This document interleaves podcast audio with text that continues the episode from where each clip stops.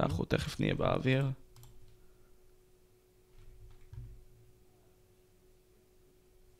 אה, בכללי אנחנו רוצים לראות אם אנחנו באוויר, אחי. תודה רבה שהשקעת בכללי, מי שרשם לי את זה בתיאור. טוב. עשיתי? לא, מישהו פשוט רשם לי שהופעתי באיזשהו לייב כלשהו של מישהו, מסיבה כלשהי. אתה מבין את ה random? קיצר, כן, מה הולך, אחי? סם. וואלה, תשמע, אני וואו, אחי. חייב להגיד, וואלה, אני... קודם כל, ממש התרשמתי ממך בתור בן אדם, כבן אדם שבא וצופה בתוכן של הקהילה הישראלית, אה, ומסע שעברת בכללי. אני מה זה שמח שהגעת לתוכנית, אחי. וואלה, אחי, תודה רבה שאתה מארח אותי.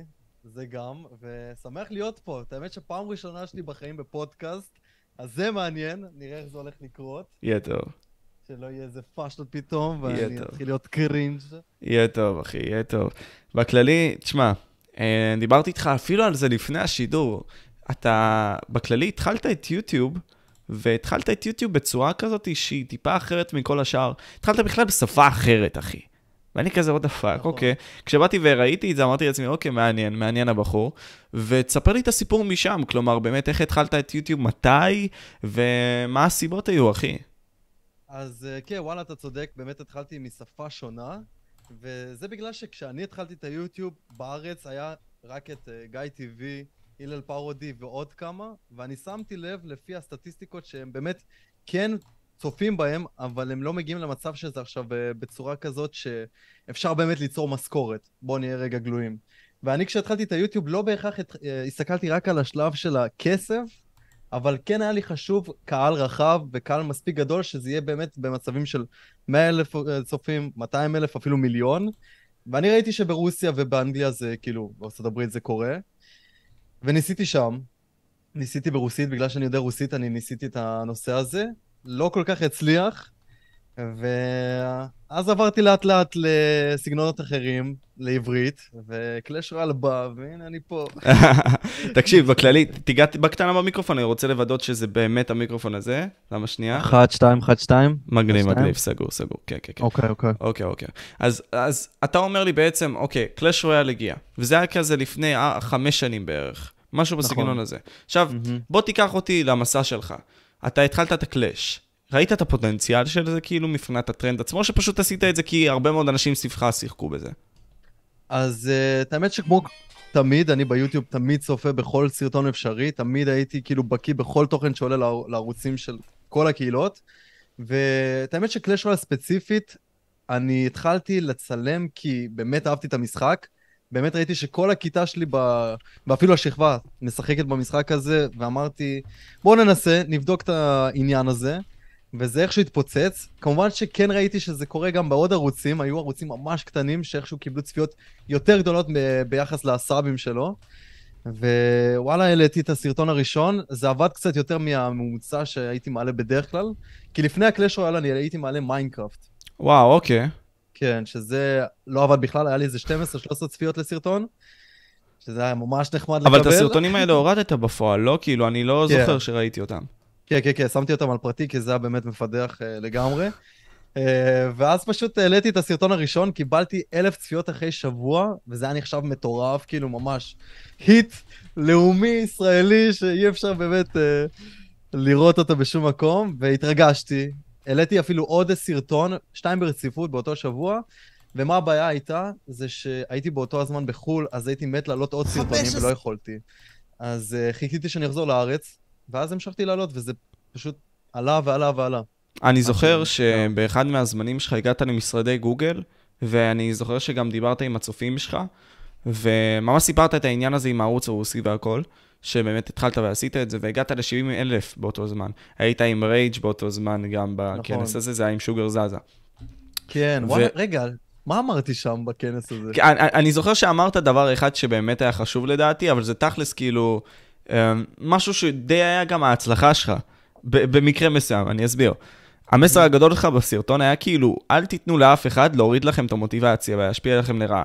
אבל תכלס, עצם העובדה שבאו וכאילו קראו לך פתחן שעושה את הזה ברוסית, תכלס פנית לעברית, אחי. נכון, אני אגיד לך מה, העניין של הפתחן ברוסית, אני לא חושב שזה היה פתחן כי אף אחד לא ידע על זה.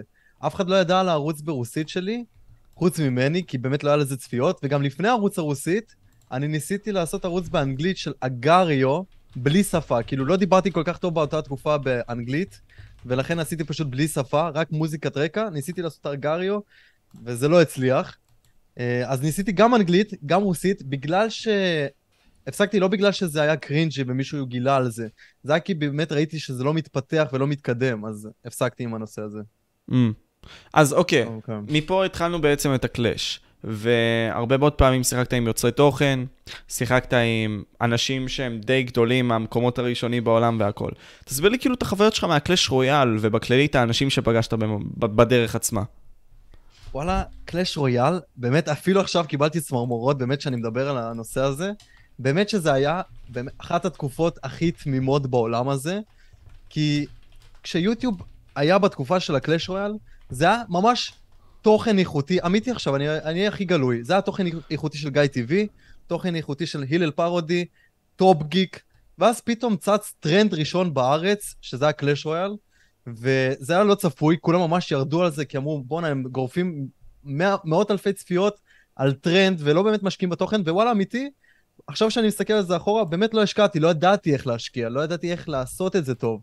ולכן זה לא היה מושקע, אבל uh, היינו משיגים כל כך הרבה צפיות, וכולם היו בצורה כל כך ידידותית, מי שכן עשה קלאש רויאל, אז in the game, מאפין, אם אתה יודע מי זה הדארק קלאש, uh, טיפו, אנשים באמת שהפסיקו לעלות ביוטיוב והיו בתקופה של הקלאש רויאל, כולם היו ממש חברים טובים של כולם. ואגב, אם מדברים על הקלאש רויאל, זה היה הדבר הראשון שגרם לכנסים בארץ. של גיימינג.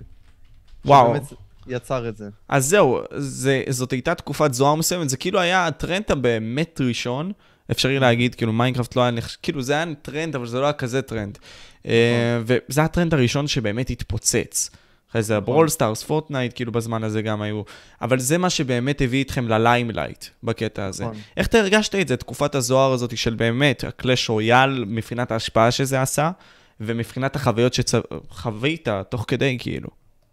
Uh, תראה, אני הייתי באותה תקופה בן uh, 16, ולא כל כך הבנתי את העולם הזה. קודם כל, ממש התרגשתי שאני סוף סוף מצליח לקבל קהל כלשהו ביוטיוב. זה היה הדבר הראשון שהיה הכי חשוב, לקבל קהל.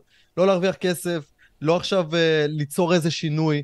זה קודם כל שיהיה קהל קבוע שיצפה בך, וזה מה שהצלחתי באמת לגרוף בעזרת הקלאש רויאל, שזה היה באמת מדהים. עכשיו, uh, אני לא יודע עד כמה באמת אה, שינוי באופי שלי או בכללי זה עשה, כי זה בעצם רק גרם לי לחשוב כמה פוטנציאל יש ביוטיוב. זה רק נתן לי את המחשבה של, אוקיי, מעכשיו שיש לי קהל, אני רוצה להתחיל לעשות מה שאני באמת באמת אהיה הכי אוהב לעשות, ואני אתחיל לעשות אותו, ובגלל זה גם עברתי מאז לבלוגים. אתה מבין? כן, אז, אז בוא נעשה את הסוויט טרנזישן הזה בכללי. היה לך את הקלאש. פגשת שם הרבה מאוד אנשים, העלית הרבה מאוד סרטונים, הנה רונן עכשיו אצלנו פה נמצא, עשית איתו גם סרטונים והכל, נכון, באותה תקופה. נכון. אה, נכון. וסוג שהתחברתם, כאילו, הוא מבין האנשים שבאמת התחברת אליו. אני זוכר גם שהוא נכון. סיפר בפודקאסט ש... שעשיתי איתו, זה שאתה עזרת לו בתחילת הדרך, ממש, מבחינת הקידום והכל. אז באמת רונן, רונן הצטרף אליי לבית ספר. אני למדתי בבית ספר שמתחילים אותו מכיתה ז', ורונן הצטרף אליי בכיתה י'. עכשיו, באמת, עם רונן היה לי קליק ראשוני, שבאמת לא היה לי שום בן אדם בעולם הזה, שפשוט הסתכלתי עליו, התחלנו לדבר משום מקום, והתחברתי אליו מאוד. כאילו, באמת הרגשתי שזה בן אדם שחושב בדיוק כמוני, מאמין בכל הדברים שאני מאמין בהם, ואפשר לעבוד איתו, ואפילו להתקדם בעתיד, ולהיות קולגות באיזשהו אופן. אז uh, ממש אהבתי את הדרך שלו, ורונן התחיל את היוטיוב שלו הרבה לפניי, כאילו הרבה יותר ניסיון היה לו, וראיתי את הדבר הזה, ראיתי את הפוטנציאל, והחלטתי שאני באמת רוצה לעזור לו, על מנת שגם לי באיזשהו אופן, שזה די אגואיסטי, יהיה לי בחור שאני אעמוד לצידו ונתקדם בעולם הזה שנקרא יוטיוב, וגם בשבילו, כי אני באמת האמנתי בו, שהוא יכול להצליח בעולם הזה. אז כאילו, מיד ידעתי שאנחנו הולכים להתחיל את זה, והולכים להמשיך עד היום, ואפילו עוד עשר שנים, עשרים שנה, גם אם זה לא יוטיוב, אני תמיד אעבוד איתו, ווואלה, באמת אחלה בן אדם. ראיתי את זה מהדקה הראשונה. ראית את זה מהדקה הראשונה, וזה ממש כיף לשמוע, כי מעניין אותי, אתה אמרת ה vision הזה, שאנחנו שנינו, כן. כאילו היה לנו אותו דבר, לך ולרונן. אני אשמח שתיכנס יותר למה שאתה התכוונת ב vision הזה, כלומר, באותו זמן, כשהיית יוצר תוכן, מה הראייה שלך הייתה? אתה אמרת שראית את הפוטנציאל של יוטיוב, מה ה vision שלך היה באותה תקופה? אה, אני אגיד לך, אמיתי, זה לא בדיוק vision, כי אתה תכלס לא יכולת לדעת מה בדיוק הולך לקרות, כי זה היה ממש בחיתולים של כל העולם הזה, אבל ה vision היה די בסיסי, שזה בעצם לעשות משהו ב social media ולהתקדם באופן, אה, יענו אינפלואנסר, להיות אינפלואנסר, והרבה מאוד אנשים לא ראו את הפרספקטיבה הזאת, האמינו שזה מאוד מאוד עכשווי, זה לא עכשיו הולך להימשך הרבה מאוד זמן, אי אפשר להתקדם לזה לעוד כיוונים, וכולם חשבו ההפך, הוא הבן אדם היחיד בבית ספר שבאמת ראה איתי את הדבר הזה שנקרא לעשות סושיאל מדיה, להשפיע על אנשים ולהתקדם בעולם הזה, שגם אם זה כולל נטוורקינג עם עוד אנשים שזה מהעולם של היוטיוב, או אנשים של השיווק והמדיה, שגם עכשיו עם חברות שאנחנו עובדים, או שזה בכללי פשוט לא ללכת לכיוון הקבוע הזה של ה...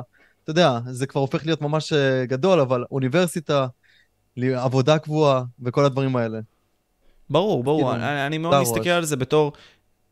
ההסתכלות הזאת יותר על הביזנס, ויותר על איך שבאמת המערכת הזאת פועלת, ולא בפן תחביבי, כי כבר mm-hmm. אתה מאוד גדלת מהר. כלומר, תתאר לי גם את הגדילה הזאת, איך חווית אותה, ואיך האנשים סביבך חוו אותה, בין אם זה משפחה וכל מיני כאלה, כי, תקשיב, כמו שיש משפט כזה שאומר, כאילו, ככל העלייה, ככל הירידה, אבל אני, במקרה שלך זה לא ככה. ו... אה, אי אפשר לדעת באמת, אי אפשר לדעת. כאילו, אני אגיד לך אמיתי, מה שאמרת לגבי uh, מהירות העלייה, מהירות הירידה, כרגע אני כן חווה באיזשהו אופן uh, ירידה בצפיות של הוולוגים, אבל אנחנו נתקדם לזה גם בהמשך. Uh, לגבי השינוי של מה שזה עשה אצלי ומה שזה עשה אצל המשפחה שלי, uh, וואלה, זה לא היה כל כך דרסטי, כי אני אגיד לך, אני בגיל 13, לא היה לי, לא היה לי מחשב עד גיל 13, לא היה לי כלום, כאילו לא היה לי פלייסטיישן, לא היה לי אקסבוקס, לא היה לי כלום, היה לי רק ווי, והייתי ילד אייפד. ואני ראיתי יוטיוברים שעושים יוטיוב בחו"ל, וממש רציתי להיות כזה, אז עכשיו חפרתי להורים שלי תמיד שאני רוצה להיות יוטיובר, חפרתי למשפחה שלי, חפרתי לחברים שלי, אף אחד לא האמין לי, אף אחד לא הבין את זה בכלל, לא הבינו מה קשור לעשות סרטונים ביוטיוב, כי זה באמת היה בתקופה שעוד אף אחד לא ידע שזה קיים.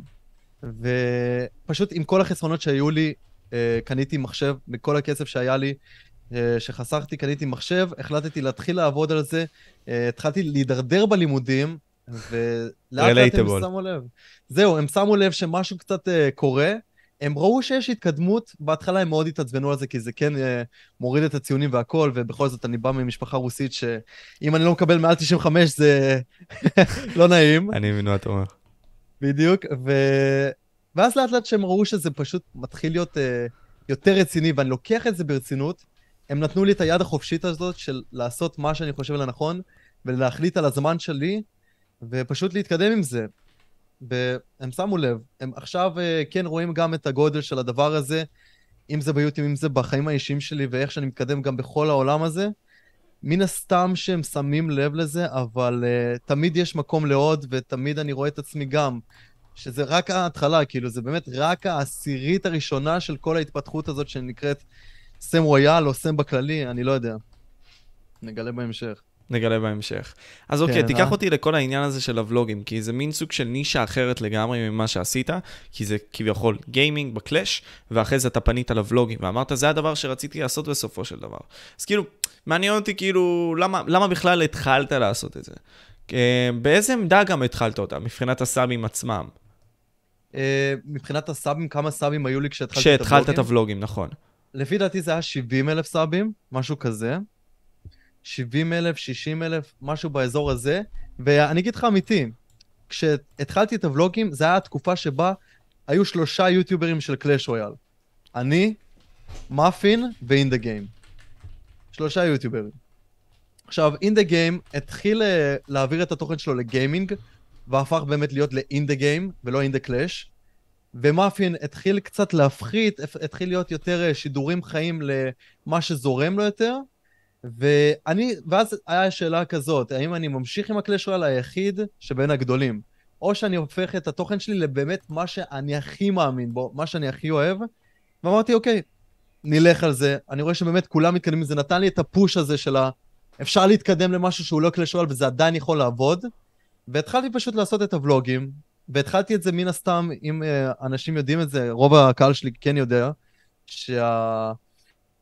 המנטור שלי, הבן אדם בין אחד מתוך השלושה אנשים שאני הכי אוהב בעולם הזה, זה ג'ייק פול. והוא בעצם גרם לי להפוך להיות אה, ולוגר, ולמה שאני עושה היום, אז כן. וואו, אה, מבחינתי גם ג'ייק פול איזשהו role model בקטע הזה בזמן הנוכחי כן. שלנו, כי הבן אדם עצמו, גם מבחינת ה business עצמו, מינף את יוטיוב, לקח את זה, נכון. לקח את הזירה של האגרוף ביחד עם היוצר תוכן הכי, השני, או בין הגדולים בפלטפורמה עצמה, KSI, ועשה נכון. עם זה משהו ששבר את ה box office, כלומר, בא וקיבל הרבה מאוד קניות בכללי, ועכשיו ביחד, כאילו, תדמיין את הפוטנציאל מה business side של זה. אתה לוקח את בדיוק. הקהל שלך, ואתה יוצר, ביחד עם אותו יריב שעשית איתו את האגרוף, משקה נכון. מטורף, שעכשיו קורע את הרשת. קורע בכללי את העולם. לגמרי, לגמרי. זהו, הם הביאו אשכרה את הדבר הזה, וזה מה שאני אוהב, ואני כאילו, אני אגיד לך מה, בתור יוטיובר מאוד אהבתי אותו. מן הסתם שהתוכן שהוא עשה, תמיד כאילו נהניתי לצפות בו, ידעתי שהוא הכי איכותי שיש באותה תקופה, ומעבר לזה, אני אהבתי את הבן אדם עצמו שהוא, ולפי זה כבר ידעתי ש... אני לא הולך להפסיק לראות אותו בגלל הבלוגים, כי בוודאות הולך להיות את עניין האגרוף. עוד שנתיים הולך להיות דבר חדש, ואני מאמין שאנחנו נראה אותו גם עוד איזה 30 שנה עושה דברים הזויים, כמו ג'ף בזוס. כל אחד שעושה דברים הזויים בעולם הזה, הוא יהיה אחד מהם בוודאות, כי באמת, כולם מדברים עליו בעולם הזה, כל מי שרלוונטי. אז כאילו, אני רק מצפה ממנו לעוד לעוד. בדיוק, ואנחנו צריכים ללמוד מאנשים כאלה. אז אתה אמרת לי בסופו של דבר, אוקיי, התחלת את הוולוגים. אה, אמרת שאחד ההשראות שלך לוולוגים היה ג'י, אה, לוגן פול בכללי. ג'ייק פול. ג'ייק פול. אה, ג'ייק פול, לא לוגן? לא, לא, לא, לא. אה, ודיברת. כל הזמן על זה על לוגן, אחי. זהו. בגלל זה אני אמרתי לעצמי, רגע, משהו פה משת, משתבש, אבל כן, בתכלס הם עושים כמעט את אותו הדבר, אבל אה, אני בעיקר הולך לכיוון של ג'ייק, את האמת. וואלה, כן. ג'ייק הוא חתיכת פיטבול, אבל למה, למה נגיד סתם אתה יותר מתעדף את ג'ייק על לוגן בכללי? אז את האמת שהתחלתי לצפות בהתחלה בתקופה ההיא את הוולוגים של לוגן, אהבתי את לוגן, ואז פתאום קלטתי שיש לו אח בכלל ויש לו את ג'ייק, וראיתי שהוא גם עושה ולוגים, ואהבתי פשוט יותר את הוולוגים של ג'ייק, אז פשוט נדבקתי לזה, ויותר התאהבתי באישיות שלו, כאילו ממש אהבתי את, ה- ספציפית איך שהוא מתייחס לכל דבר שקורה אצלו. וואו, אחי, זה מטורף, כי ג'ייק הוא חיה רעה כזאת, ומעניין שלקחת אותו מבחינת הוולוגים. אז אוקיי, נכנסת עכשיו לוולוגים. מה המטרה שהייתה עליך, ובכללי איזה עלייה ראית מזה? ולמה כיוונת גם תוך כדי? אה, אז אני אגיד לך ככה, אה, את האמת שבתקופת הקלאש רויאל, כשמיד עברתי לבלוגים, רוב המשכורת שלי שאני אוכל בעצם לקבל מהיוטיוב, על מנת גם לתפעל יותר טוב את הערוץ וגם לחיות בצורה נוחה, אה, זה היה מהמונטיזציה. עכשיו, אני חשבתי שבאמת מהוולוגים אני אקבל באמת מס... משכורת מספיק מכובדת שאני אוכל להתמודד עם ההוצאות על הוולוג וגם על החיים האישיים שלי, וכך בעצם אני אקבל מספיק צפיות שיהיה לי מונטיזציה מספיק טובה, ואז ככה אני אוכל להמשיך לעשות את התוכן יותר טוב ויותר טוב, כי זה באמת התוכן שהכי רציתי להתמקד עליו. לא חשבתי על העניין של הקמפיינים, כי לא ידעתי שזה קיים, לא ידעתי על העניין הזה של ה... בכללי ספונסרים קבועים וכאלה, שגם עכשיו יש בגיימינג, אבל בכל זאת, היה לי רק ערוץ אחד באותה תקופה, אז uh, פשוט שאפתי לק... לקבל כמה שיותר צפיות ולהיות כמה שיותר uh, נוכח בנ- בדבר הזה שנקרא הקהילה של היוטיוב בארץ. ובכללי, כאילו המטרה. בכללי, אם אנחנו נסתכל על זה, אני חושב שגם לקחת הרבה מאוד השראות מחו"ל. לטוב, ברור. בקטע אך הזה. ורק מחו"ל, אך ורק מחו"ל. אז תסביר לי תמיד. כאילו, כי יש פה אנשים גם שרושמים בתגובות שאתה מעתיק והכל. ועוד פעם, דיברתי על זה עם רייג' ואני חושב שזה הדבר אולי בין החשובים. כי אם אתה רוצה נכון. לבסס ערוץ, אני אסביר גם מה. לעשות modeling, כמו ב-NLP.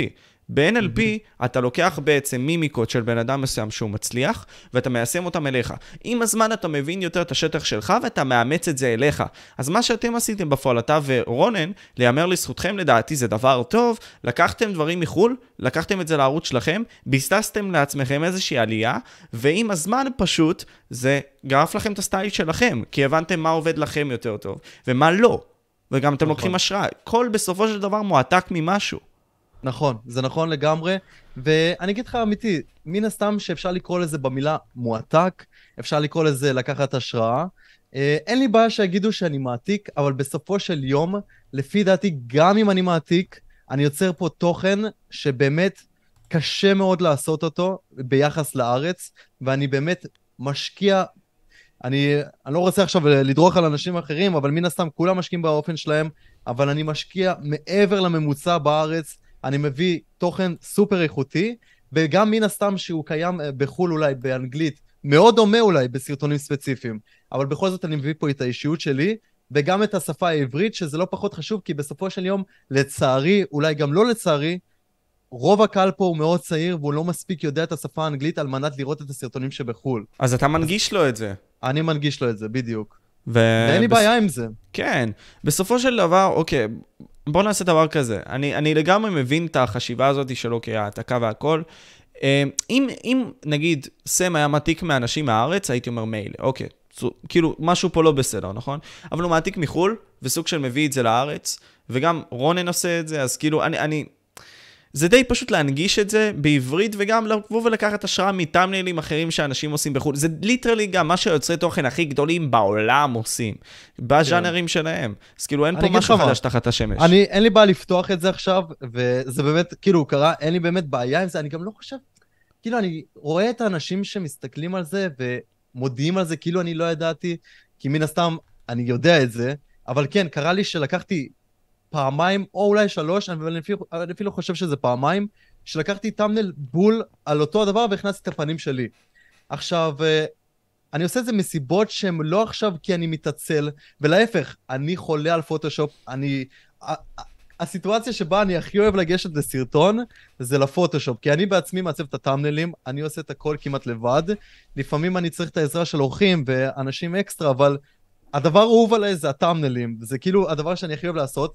לפעמים קורה סיטואציה שלא יצאה עכשיו תמונה טובה שהצלחתי לצלם, אז יצא לי רק לקחת את הפנים, אבל אה, רוב הפעמים אני יוצר לעצמי את הטאמנל, וכשאני לוקח למישהו משהו דומה, או בדיוק את אותו הדבר, אני מבין את העצבנות שיש לאנשים, אבל אני לא חושב שאפשר לקחת את זה בצורה כל כך קיצונית, כי אין בזה כל, בסופו של דבר משהו רע. כל עוד אני לא לוקח בול את אותה התמונה ומכניס וגם אומר משהו שהוא לא קרה בדיוק בסרטון, אז זאת תהיה בעיה.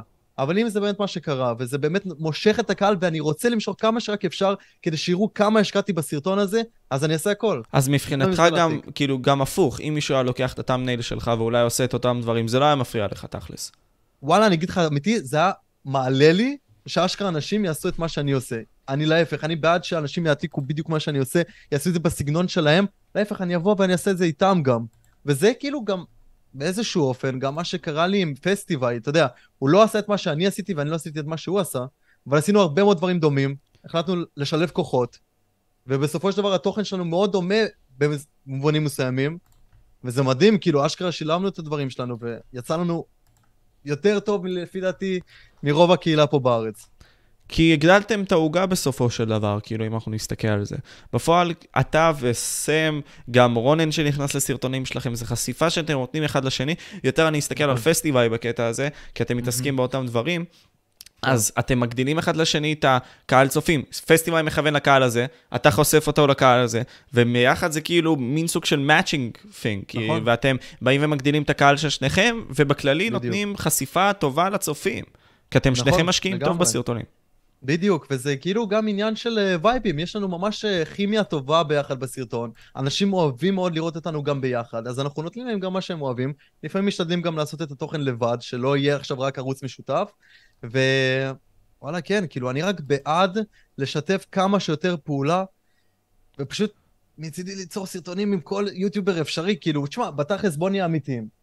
אתה עכשיו רק בתחילת הדרך. יכולתי. בקלות להגיד, שומע אחי, אני פה, אתה פה, ואני אגיד לך, וואלה, ביי אחי, אני לא מכיר אותך, אף אחד לא מכיר אותך, אבל כביכול. אבל פה בסופו של יום, אתה מביא משהו חדש, אני מביא, מביא את מה ששלי, אנחנו משלבים פה כוחות, מגדילים את הקהילה, בסוף זה עוזר לך, זה עוזר לי, זה עוזר לכל השאר, ואני רק בעד, כאילו, הלוואי שרק היוטיוב הזה ימשיך, כי כרגע זה רק מרגיש, מרגיש שזה... אז בוא ניכנס לזה, כן. כלומר, בז'אנר הגיימינג, ומעניין אותי איך אתה מסתכל על זה, אה, הרבה מאוד מהתוכן מת, והרבה מאוד מהאנשים בעצם נכון. פונים לתוכן של אוכל, נגיד סתם רונן, אה, רונן GG הכוונה. כן. ובסופו של דבר, הם באים ועוזבים את הגיימינג, או לא עושים את הגיימינג כמו שצריך לעשות. והם כל פעם...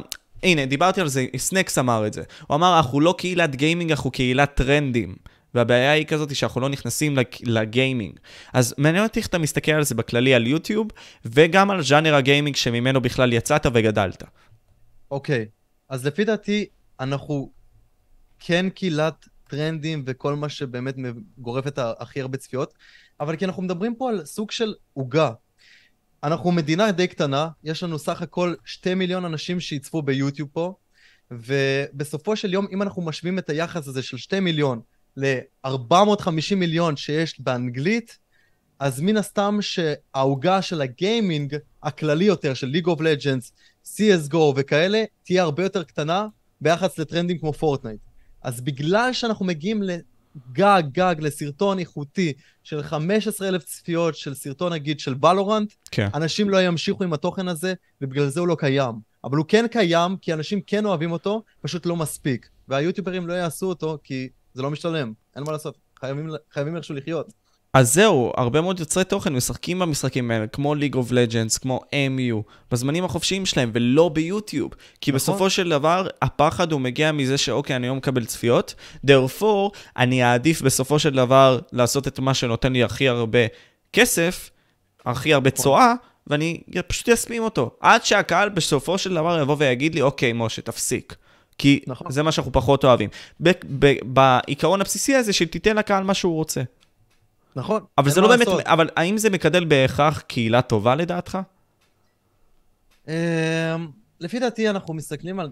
על- אני אגיד לך, אני רואה קהילה טובה בתור קהילה שיודעת לזהות תוכן איכותי ותוכן סתמי שעושים אותו על מנת רק לגרוב צפיות ומזלזלים בקהל.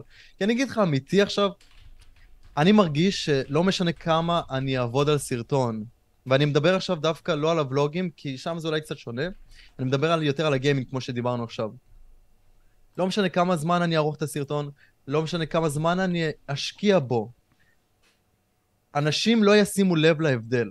זה אשכרה קורה, אנשים לא שמים לב להבדל אם יש פה סרטון שערוך בצורה מטורפת ואיכותי מאוד, או שזה סרטון שפשוט אה, שמו תמונת, אה, כאילו, צילום מצלמה, ואת הפייסקאם של הפייסקאם מצלמה וגם המשחק עצמו, לא ירגישו בהבדל, ואפילו יכולים לעשות לך שיימינג על הסרטון הזה, כי הם לא יכולים לשים לב להבדל. האנשים פה לא יודעים להעריך איכות אמיתית של סרטון, אם זה לא עכשיו בן אדם שמעלה בקבוע, או שזה עכשיו בן אדם שצץ משום מקום ומתחיל להשקיע, לא ייתנו לו במה. אבל זהו, אז, אז זה משהו שאני מאוד לא מבין בישראל מבחינת יצירת התוכן, למרות כל השיחות שעשיתי עם כל היוצרי תוכן. אני מבין בסופו של דבר שאולי פה עדיף כמות על איכות, כי אנחנו רוצים כמה ככה. שיותר שיהיה פה תוכן, ואיכות זה נחמד, זה טוב בפועל, אבל זה לא מספיק שווה את זה. כי אם אתה עושה עכשיו סרטון אחד לחודש, או סרטון אחד לשבועיים, בסופו של דבר, כן, הסרטון יבוא ויגדל. אבל צריך עוד מומנטום, צריך שהמומנטום נכון. יגדל. יכול להיות שאנחנו לא, לא מספיק לוקחים את זה כביזנס, ואנחנו לא עושים הרבה תכנים, וזאת הבעיה. ואז זה אז תראה, מעניין אותי איך אתה מסתכל על זה.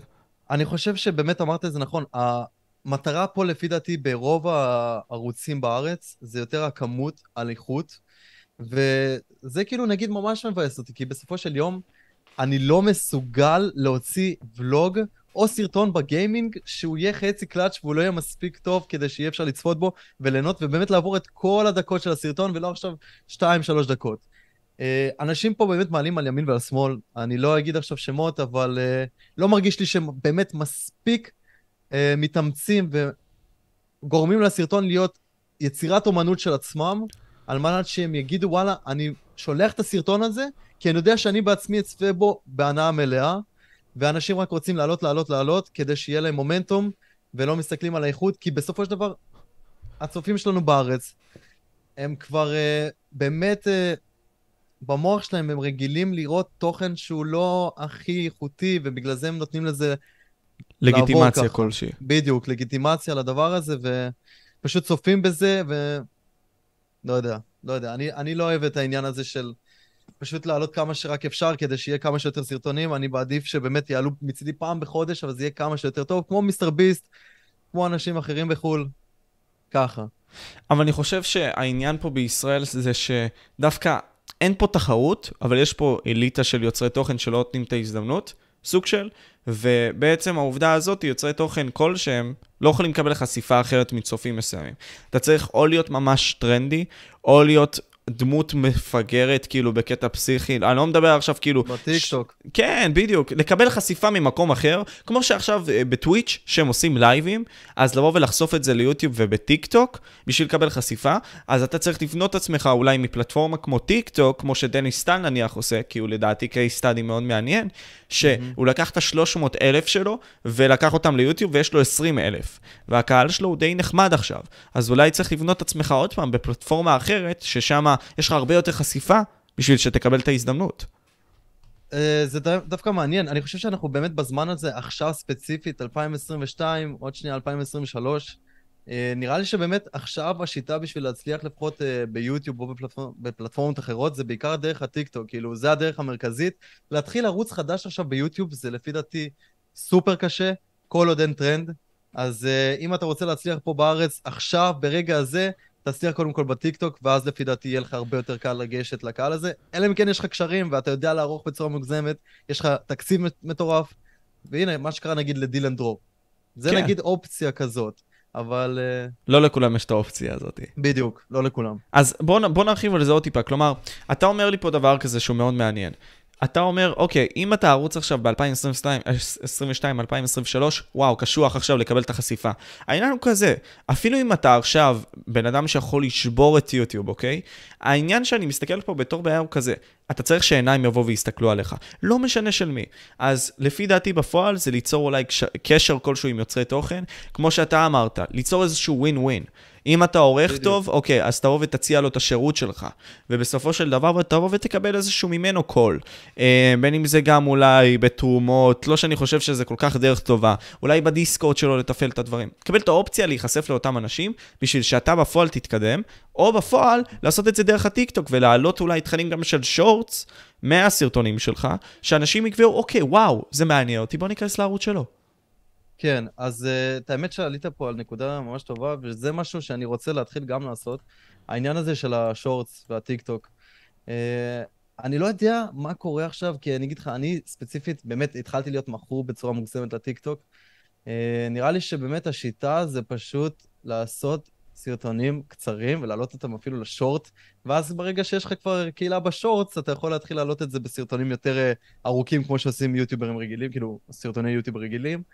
אז uh, היום העולם ממש השתנה, אני את האמת בעצמי לא כל כך מצליח להבין מה קורה, uh, כי באמת רוב הקהל כרגע נמצא בטיקטוק, כאילו היוטיוב מתחיל... Uh, אני. אני אגיד לך מה, אתה יכול לקרב את המיקרופון אולי טיפה יותר אליך?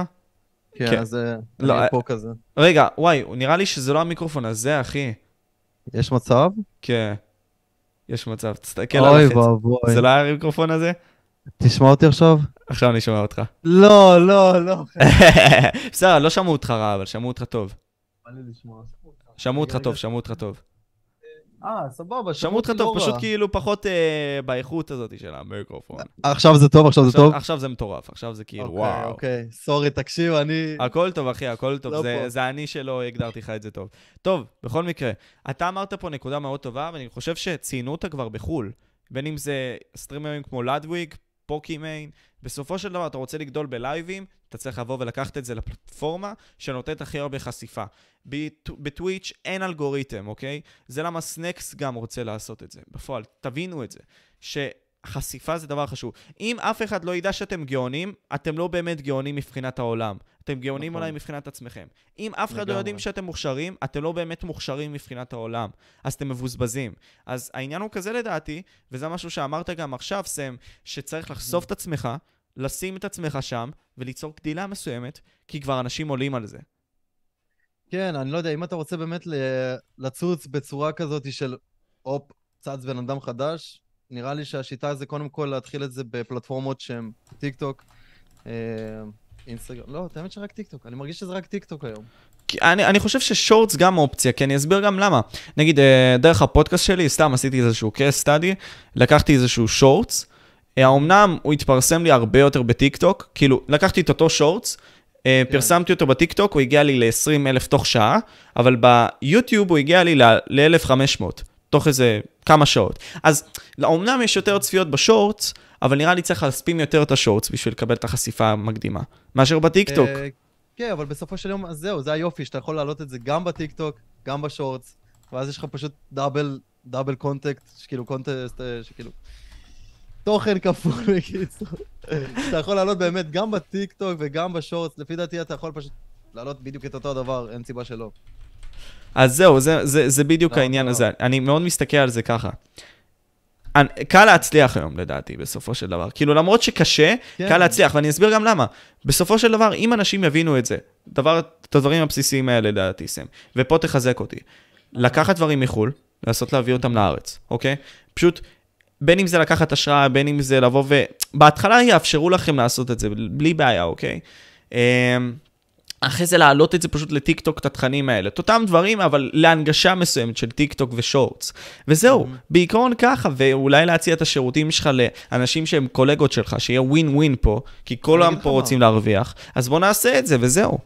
אין גם בעיה, אני חושב שבאמת מספיק שאתה עושה את התוכן שהוא בול כמו שקיים בארצות הברית, או איפשהו שם בחו"ל, אם אתה, אתה עושה אותו מספיק בסגנון שלך, עם האישיות שלך, אני לא רואה פה שום בעיה, ולפי דעתי גם הקהל יקבל את זה, כי עובדה, עד היום, מן הסתם, יש את כל התוכן שבערוץ שלי, 80% כבר קיים בחו"ל, אפילו 90, אני לא יודע. יש uh, תוכן שהוא קיים כבר בחו"ל, אני עושה אותו בסגנון שלי, אין ברירה, כבר כל התוכן כבר קיים, רק השיטה זה להיות האיש שאתה בתוך עצמך, ולהביא את עצמך באישיות שלך בחוץ, ולקוות שאוהבו אותך. ואם לא, אז שישנאו, וזה גם טוב.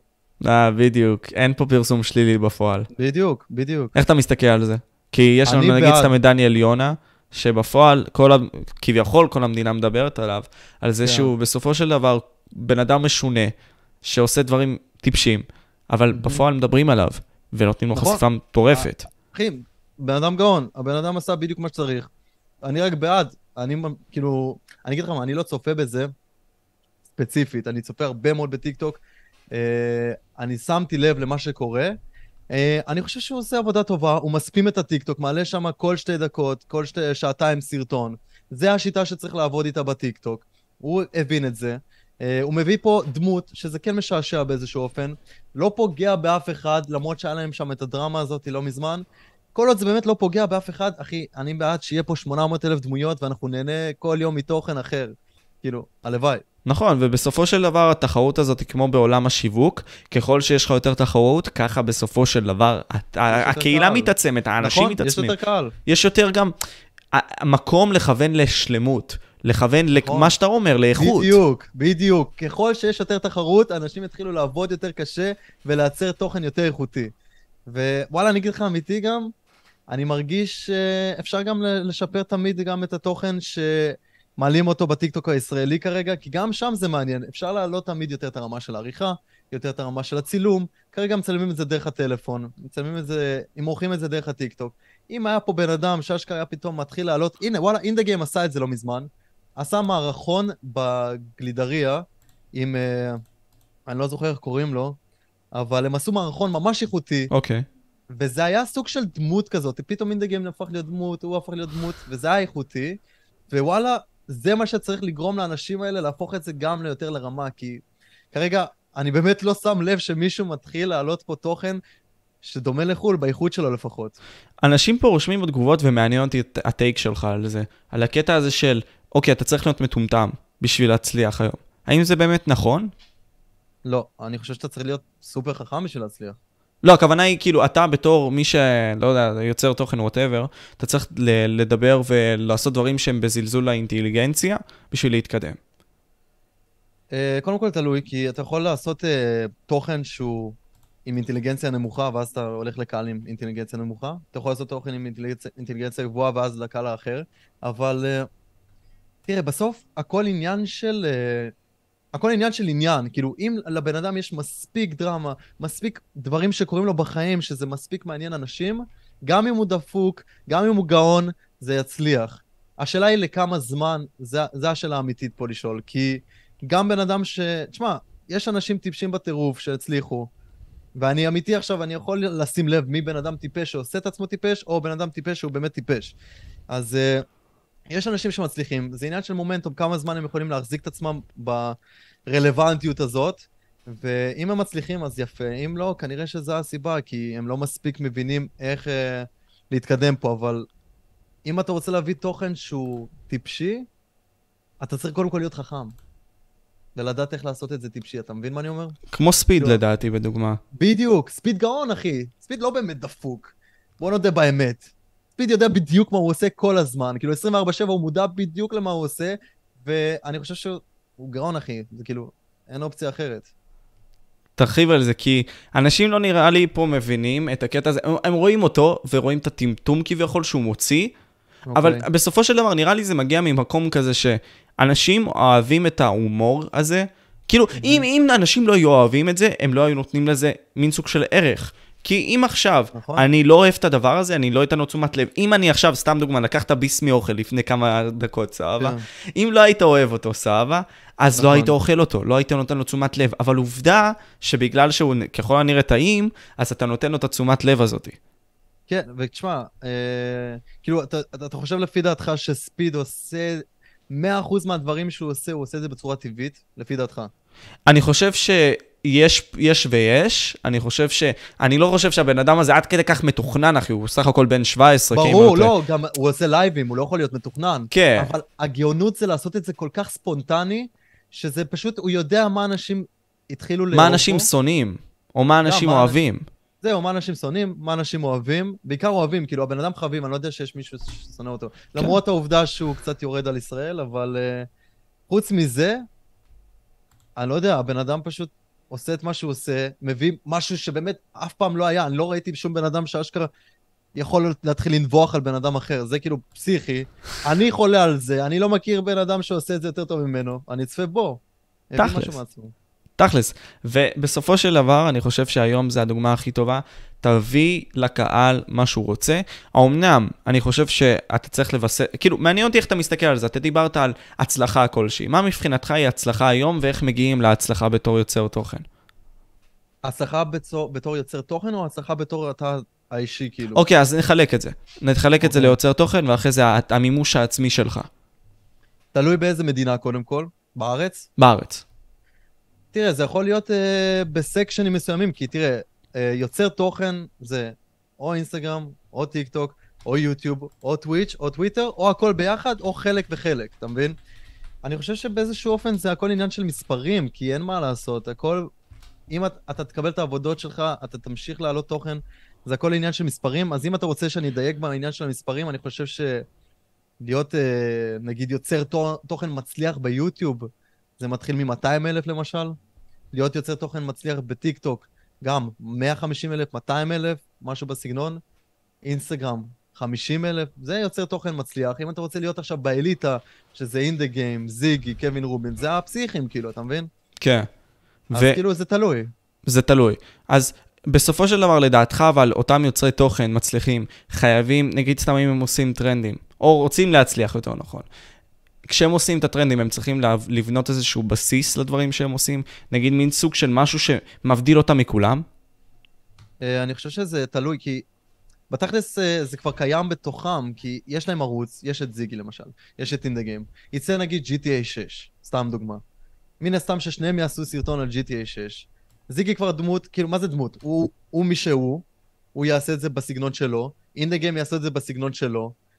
כל אחד, יצ... כל הצופים יצפו גם בשתי הסרטונים לפי דעתי, כי אתה מקבל את זה בצורה שונה. גם אם זה אותו הסרטון, אותה המשימה, בסוף זה מסתכם באיך אתה רואה את הסרטון ואיך הבן אדם שמגיש לך אותו עושה את זה. זה העניין. זה העניין. אז בוא נחזור לעניין הזה של... אה, ודיברת על מימוש עצמי, אז בכללי, מה מבחינתך היא הצלחה בתור מימוש עצמי ביוטיוב, או בכל...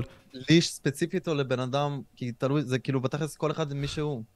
אוקיי. אז כל אחד והרף שהוא מציף לעצמו, ולדעתי כאילו לא להיקלע יותר מדי למספרים, כי המספרים הם יכולים להיות מפלצתיים לפעמים, ויכולים לבלוע אותך. כן, אז בדיוק, אז אני אגיד לך מה. אני חושב שצריך לדעת את המאזן למימוש עצמי בריא ואיכותי. מימוש עצמי בריא ואיכותי לפי דעתי צריך להתבסס על זה שאתה יודע כמה אתה מתקדם, את הכמות שהתקדמת, גם אם זה 100 סאבים, 200 סאבים, לא משנה מה זה יהיה, אתה מעריך את זה, אבל אתה אף פעם לא תהיה מסופק. כלומר, אתה כן תקבל את זה ואתה תשמח בדבר הזה, אבל זה ייתן לך רק את הרצון לגדול עוד ולא להפסיק, כי לא מפסיקים בזה. אני חושב שפשוט ממשיכים וממשיכים עד שמגיעים ל... שאתה מת או משהו, אני לא יודע, אבל לא מפסיקים עם זה. אז זה מאוד חזק, כי בסופו של דבר אתה אומר לי פה, אוקיי, משה, אתה מכוון נגיד סתם ל-100 אלף. אוקיי, מעניין, אוקיי, אז מה אתה הולך לעשות? האם אתה הולך לעשות הכל בשביל להשיג את ה-100 אלף? גם לרמוס אנשים, גם לבוא ולא יודע מה, לעשות דברים מגעילים בשביל לבוא ולטפס ל-100 אלף, או שאתה הולך להימנע מזה, ומה שאתה הולך לעשות זה כל שאר הדברים, שזה לא זה. בשביל להצליח. שיהיה לך סט ערכים כלשהו. זה מאוד תלוי בבן אדם בסופו של יום. אני, אה, לפחות ממה שאני הצלחתי להגיע, נגיד, ל-100 אלף ספציפית אה, לסיטואציה הזאת, הצלחתי להגיע בלי לרמוס. כאילו, לפי דעתי, אני לא חושב שרמזתי מישהו, ואני מאמין שגם כל הקהילה יכולה גם להגיד את זה. אה, אם אני רוצה להגיע עכשיו להגיד לחצי מיליון, אני גם לא חושב שאני ארמוס, כי אין אפילו דרך איך, גם אם הייתי רוצה. אני לא יודע איך אפשר לרמוס בתור יוצר תוכן. כאילו, הדבר היחיד זה, נגיד, למשל, ליצור דרמות מזויפות בצורה סופר מתוחכמת על מישהו אחר, ואז מביא לי צפיות, לא זה מוריד, ואז לרמוס, אבל זה מוריד לנו גם את הקהילה. אי אפשר כל כך לרמוס פה. אני חושב שרק אם אתה ממש uh, יוצא על מישהו, זה סתם באופי שלך, אבל אם אתה רוצה לעלות, אתה יכול לעשות את זה רק בזכות עצמך וזהו. אין, אין, אין כל כך דרך לפי דעתי לרמוס. אז זהו, זה... יש לך דוגמאות. יש הרבה דוגמאות. אז אתה פה ואומר לי, אוקיי, משפט מאוד חזק שאני אקח אותו עכשיו לבלוגים. אם אתה רוצה להצליח, אתה צריך לעשות את זה בכוחות עצמך בסופו של דבר, ולהראות את עצמך לעולם, ואתה עשית את זה עם הוולוגים. אשמח שתגיד לי כי כשנכנסת, החוויות האישיות שלך, תסביר כאילו מה חווית תוך כדי הדרך, מבחינת העליות, מבחינת הירידות, ואיך הקהל קיבל את זה בכלל. אז כן, מן הסתם, תמיד ההתחלה היא הכי קשה. ההתחלה היא הכי מבאסת והכי מוזרה. כי אתה נכנס לעולם שאתה לא מכיר, אתה עושה את זה בצורה לא כל כך uh, מקצועית. עשיתי את זה בצורה קרינג'ית, לא איכותית, למדתי, קיבלתי ניסיון, בהתחלה מן הסתם גם היו יורדים עליי, היו אומרים שזה קרינג', היו אומרים שזה גרוע, חלק גם היו אומרים שזה מדהים, כאילו, באמת השתדלתי לעשות מה שאני יכול. אבל uh, זה היופי, אתה לומד בהתחלה, מקבל את החרא, מה שנקרא, משתדל לעלות, ולאט לאט אתה פשוט נהיה יותר ויותר מקצוען, ואתה פשוט יודע כבר את העבודה, ואתה עושה את זה גם יותר בכיף, יותר ברוגע. ו- זה העניין. וביססת את עצמך, כי הסתכלת על דוגמאות מחו"ל, ובעצם יצרת את מי שאתה, עם הזמן, כן. את האופי שלך. תמיד, תמיד לקחתי את כל האינספיריישן שלי רק מחו"ל, כאילו, אני לא... אין מה לעשות, זה פשוט תמיד הכי טוב, זה תמיד יהיה הכי טוב. וזה עובד, כי הק... בסופו של דבר, בני אדם הם בני אדם. אם זה עובד בחו"ל, יש מצב גדול שזה יעבוד גם בארץ. זה עובד גם ככה, במיוחד בישראל. כאילו, תשים לב, כאילו, הכל, גם אם לא קשור לתוכן, גם אם זה מבחינת כלכלה, גם אם זה מבחינת לבוש, אנחנו שואפים את רוב הדברים שלנו מארצות הברית. אז כאילו, מבחינה פסיכולוגית זה רק הגיוני שגם התוכן שלהם, הקהל הישראלי יאהב, כל עוד הוא יהיה בעברית ואז הוא יבין אותו, אז כן, זה יעבוד. רייג' רושם פה, רונן, אגב, למקרה שלא ידעת, אנשים בחו"ל שיש להם ערוצים בחו"ל לא מעצבים שום דבר בעצמם. יש להם צוות של אנשים שעוסק בזה, והדבר האחרון שמעניין אותם זה אם מישהו לקח מהם השראה לתמונה, או לקח מהם אלמנטים משם. כמה אה, שדיברנו לפני כן בנוגע לתמונות והכל. כאילו, כן, בתכלס אין להם זמן להתעסק בזה. אם הם היו מתעסקים בזה, זה היה כל היום יושב על זה, על מי גנב לי את זה, מי לקח לי את זה. להפך, זה רק טוב. שיגנבו, שידעו, בסוף מגלים מי האמיתי, ואז זה מביא להם יותר קהל. בדיוק, בדיוק. כאילו זה מוביל לזה, זה בסופו של דבר כאילו אין מה כן. לעשות, זה מוביל לזה. בסוף, אם אתה טוב, אתה טוב, אם אתה לא טוב, זה אשמתך, אין מה לעשות, זה לא עניין עכשיו של... ואם מעתיקים ממך, אתה גם ככה יש לך חשיפה, אז כאילו נכון, פשוט מראה נכון. אותך באור יותר טוב. נכון, נכון. אז אוקיי, מעניין. עכשיו, ניכנס לוולוגים. איך מבחינתך בן אדם צריך לעשות ולוג טוב? מה זה אומר בכלל לעשות ולוגים בצורה טובה? מבחינתך. אז אני את האמת, הנה, אני אפילו אפילו reference למה שלמדתי בחו"ל, אם אתה מכיר, וכנראה שכן, את קייסי נייסטאט. כמובן. קייסי נייסטאט, הוא הביא את הדבר הכי חכם, שלפי דעתי קשור לסרטוני וידאו ביוטיוב, שזה בסופו של דבר סיפור. חייב להיות סיפור. כל סיפור טוב יש לו את הבעיה, יש לו את הפתרון, יש את הגיבורים הקבועים, את הגיבורים החדשים, ויש את ההתחלה והסוף. כאילו, זה הבסיסי. עכשיו, אתה חייב שיהיה תמיד את זה, כמובן, לא תמיד, אבל אתה משתדל שכן. שיהיה לך את ההתחלה הטובה, את הבעיה, את הפתרון ואת הדברים שמסביב. כשיש לך את כל אלה, ואתה מכניס את הסיפור הספציפי שאליך, אתה מייחס לזה, למשל, סתם אני אביא דוגמה, אתגר אוכלים רק אוכל של אסירים, סתם דוגמה. חייב שתהיה למשל דוגמה להשיג את האוכל או משהו. שיהיה איזה עניין של... אה, הנה, את הגיבורים הקבועים שזה אני, אסיף, שזה דידקשן, את ההתחלה והסוף ואת ההנגשה שלי לדבר הזה. כשיש את כל הדברים האלה, הוולוג יוצא פשוט טוב, כמובן לכל זה איכות מצלמה טובה, עריכה וזהו. וואו, זה מאוד חזק. זה, זה סיפורו של גיבור בסופו של דבר, למי ש... מסעו של גיבור קוראים לזה, לגרף הזה, שסוג של מתאר כאילו את ההרפתקה, את כל מה שקשור לפיתויים, להתגלות, לשינוי, לכל מיני כאלה, למי שרוצה לקרוא על זה, זה ממש חשוב. אה, ג'ו, אה, ג'ו, ג'וסף קמבל דיבר על זה, זה מין סוג של פילוסוף מסוים במאה ה-20, שממש בא ונתן את הפורמולה המושלמת לאיך גיבור בעצם אמור לעבור את המסע שלו. ומשתמשים בזה לסרטים למי שלא יודע, וזה מאוד מעניין. כן, בכלל. כאילו, תשמע, אין תמיד אפשרות להכניס את זה לכל בלוג, אבל משתדלים. וככל שאתה יכול להכניס יותר אלמנטים בצורה שלא תהיה גם מוגזמת, ארוכה מדי ומשעממת, יצא לך בלוג מושלם. אבל עוד פעם, בעיה ביוטיוב, כמו שתמיד יודעים, גם אם אתה עבדת על הוולוג הזה, באמת הכי טוב שרק אפשר, זה תלוי מאוד באלגוריתם, תלוי מאוד באיך שהיוטיוב מחליט לפרסם אותו. יכול להיות לי על סרטון מזעזע, שבאמת אני, עד כמה שאני מוציא סרטון שרק אני אהיה מסוגל לצפות בו, לא הכי הייתי רוצה להעביר אותו, אבל כי אין מה לעשות, אני כן רוצה בכל זאת להביא תוכן לאנשים, אז אני לא תמיד מקבל את הצפיות שחשבתי שאני אקבל, ופתאום אני אקבל הרבה יותר. ופתאום סרטון שאני לא כזה עכשיו השקעתי בו, כי פתאום עבדתי עליו באמצע הלילה ולא היה מספיק אה, זמן לערוך אותו עד לבוקר, אז צפו בו הרבה פחות. סליחה. הרבה יותר. הרבה יותר, כן, בדיוק. אז כאילו, אתה לא יודע איך לשלוט בזה, וזה מבאס, ואז כאילו יורד לך גם לפעמים המוטיבציה שאתה פתאום משקיע על סרטון, שממש חשבת שיצליח, ואין לו צפיות, מבאס. סרטון שאפילו עבד לך ואין, ואתה לא כל כך השקעת בו, זה גם מבאס. זה כאילו גם מוריד את המוטיבציה, כי אתה אומר לעצמך, מה, אני אשכרה יכול לא להשקיע ועדיין יהיה צפיות, וזה עוד פעם נותן לך את המחשבה שאתה הולך לקהל הישראלי, ואני לא אומר עכשיו על כולם, אבל מן הסתם זה הרוב ככה, שאתה ניגש לקהל הישראלי, ואנשים באמת נהנים גם מתוכן שהוא לא הכי איכותי, וזה מבאס אותי. אמת, אמת. אז אתה בתור אוטוריטה בתחום הזה, כאילו מישהו ממש גדול בתחום הזה של הוולוגים, מה לדעתך חסר בארץ מבחינת כל מה שקשור לוולוגים, ואיפה אתה רואה את הבעיה הזאת שאתה אולי פתרת בקטע הזה? תראה, אה, יש, אה, העולם הוולוגים בחו"ל, ואני אכניס אותו עכשיו לארץ, זה עובד ככה. יש את הוולוגים, שזה ולוגים אתגרים, שזה כבר מה שהפכתי להיות אני, שזה פתאום אתגר אוכל, אתגר 24 שעות, אתגר uh, במקום מסוים, משהו ספציפי, שזה אתגרים בעיקר, ואז זה סוג של ולוג, כי זה חצי ולוג, כי אתה באמת מדבר עם המצלמה, מסביר על החיים שלך פה ושם, ויש את האתגר עצמו בתוך הסרטון, שהוא רוב הסרטון. ויש את עולם הוולוגים, שזה לצלם את החיים שלך ביום-יום, ולהראות איך אתה מתקדם בעולם הזה, ואיך אתה מעביר את היום-יום שלך פשוט בוולוג עצמו. אז כאילו, יש לנו בארץ כמעט הכל, לפי דעתי, אה, והקהילה שלנו כבר די התרחבה, אבל אה, תראה, בסופו של יום זה עניין של איכות. כל מי שעושה גם את ה... גם אני, תמיד יש לי מקום להשתפר, אני לא עכשיו אה, אומר שאני עושה הכי טוב בארץ, וזה בטוח שלא, אבל תמיד יש מקום לעוד, ותמיד יש מקום להשתפר, וככל שהאנשים יתחילו יותר להבין שאיכות זה דבר ראשון, הרמה פה תעלה, והרבה מאוד בעיות ייפתרו. זה מה שאני חושב. איך אתה מסתכל על זה, אבל מבחינת הדברים שלמדת? כלומר, איך באמת למדת את כל העניין הזה של אולי צילום הזוויות, אולי השירים ברקע? כלומר, כל הדברים, כל הניואנסים האלה שהופכים ולוג טוב לוולוג טוב. אה, אמ, איך אתה באמת okay. אוקיי. נכנסת לזה? מעניין אותי. אז uh, זוויות, תשמע, אני אגיד לך, אני חושב שזה עניין של uh, אישיות. אם אתה באמת אוהב את מה שאתה עושה, אז ת, תעשה אותו טוב. אז כאילו, אני רואה איך עושים את זה, מנסה לקחת ולהבין איך לעשות את זה בפני, כאילו, לבד.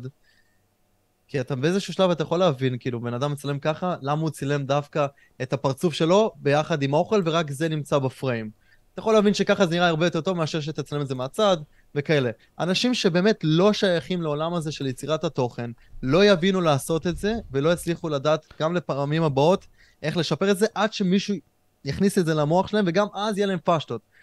ככל שאתה משתפר וככל שאתה אוהב את זה יותר, וככל שאתה גם לומד על הטעויות שלך, אתה תדע איך לעשות את זה. הכל עניין של ניסיון. אני בעצמי לא ידעתי לעשות כלום בהתחלה, גם כשחשבתי שאני יודע, לא ידעתי כלום.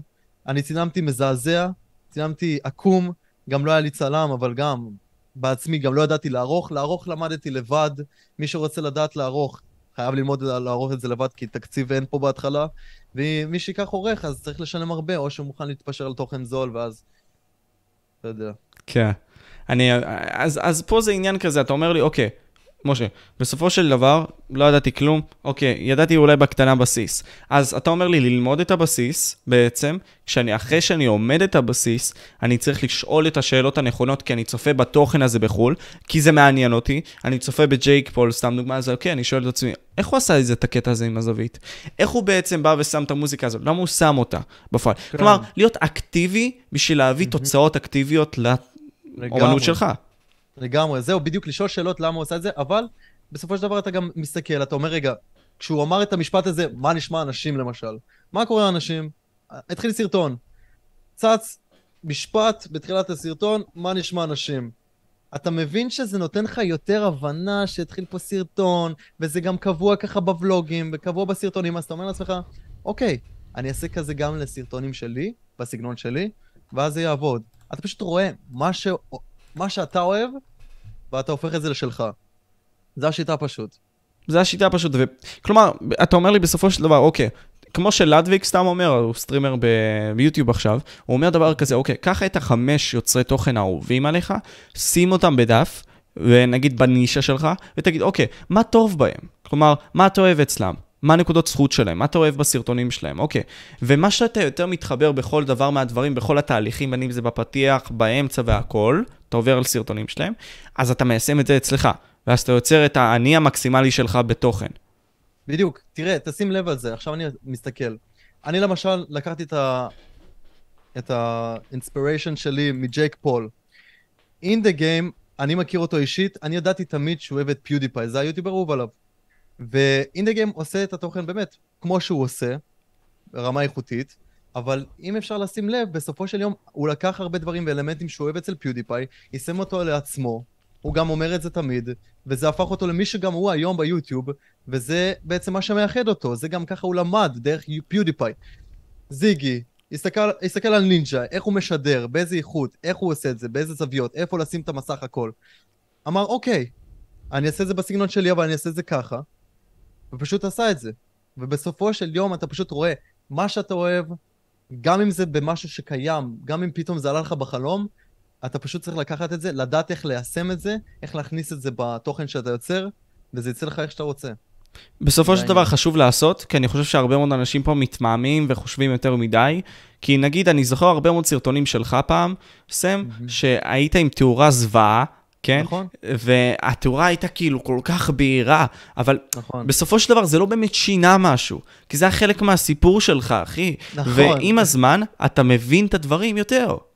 שתדע, נגעת פה בנקודה ממש מצחיקה. שזה התאור... אתה מדבר אבל על הסרטונים שלא כזה מזמן, נכון? גם, וגם היו לפני איזה שלוש שנים גם כאלה. כן, לפני שלוש שנים בטוח הייתי מצלם מזעזע, זה בטוח, לא ידעתי שום דבר. אבל לפני תקופה, קניתי בערך לפני שנה מצלמה ב-27,000 שקל, שזה באמת הייתה חלק מההשקעות הכי גדולות שעשיתי לערוץ יוטיוב, וגם, אתה יודע, יכולה לעבוד לי גם לפרויקטים אחרים, אבל בעיקר לערוץ יוטיוב. ואמרתי, אוקיי, אני רוצה להתחיל להשתמש במצלמה איכותית, בא לי להביא את התוכן הכי איכותי בארץ, ואז ראיתי גם עוד יוטיובר, פייז ראג בחו"ל, אם אתה מכיר. כמובן.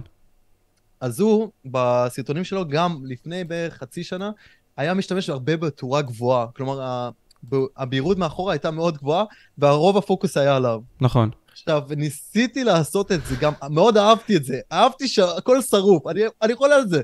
שרוף זה אהבה שלי במצלמות. עכשיו, פעם אחת קלטתי שמה שזה מראה לי במסך של המצלמה, יותר שרוף, לא, פחות שרוף ממה שזה מראה על המחשב.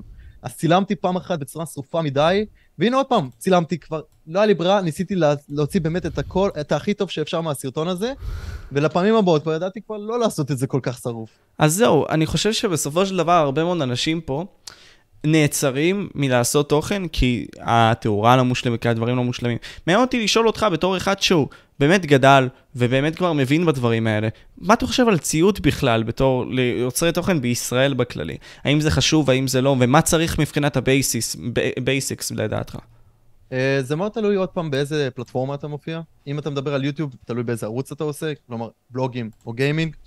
אם זה גיימינג, אין מה לעשות, צריך להשקיע לפחות איזה 6,000 שקל למחשב, צריך להשקיע לאוזניות, מיקרופון נורמלי, אם זה מיקרופון מהאוזניות כמו שאני התחלתי ממנו, משחקים לקנות או משהו. תראה, תקציב זה מאוד תלוי בכמה אתה רוצה בסופו של דבר להשקיע. אם אין לך תקציב גבוה, יש היום אלטרנטיבות אשכרה, שזה הטיקטוק שאתה יכול להשתמש בטלפון בלבד. גם יד שנייה בכללי, זה גם אופציה טובה. גם אני קניתי את. המחשב שלי ביד שנייה. ב-2,000 שקל, RTX 2070. אז אתה כנראה אבל עשית מחקר לפני שקנית אותו, אתה יודע איזה דברים נכונים זה למחשב.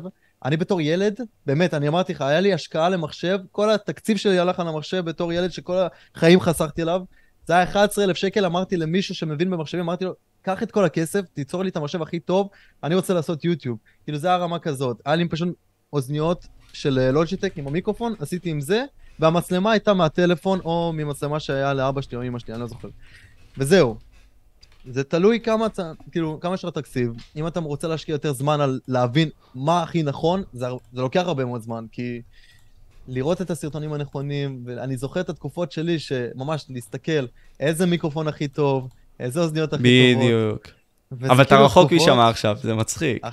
היום זה שונה, היום זה... היום יש לי הכל, וגם אם אין לי הכל, אני פשוט בא לספונסר ואומר לו, תביא לי את זה, כאילו, כזה. וואו, אוקיי.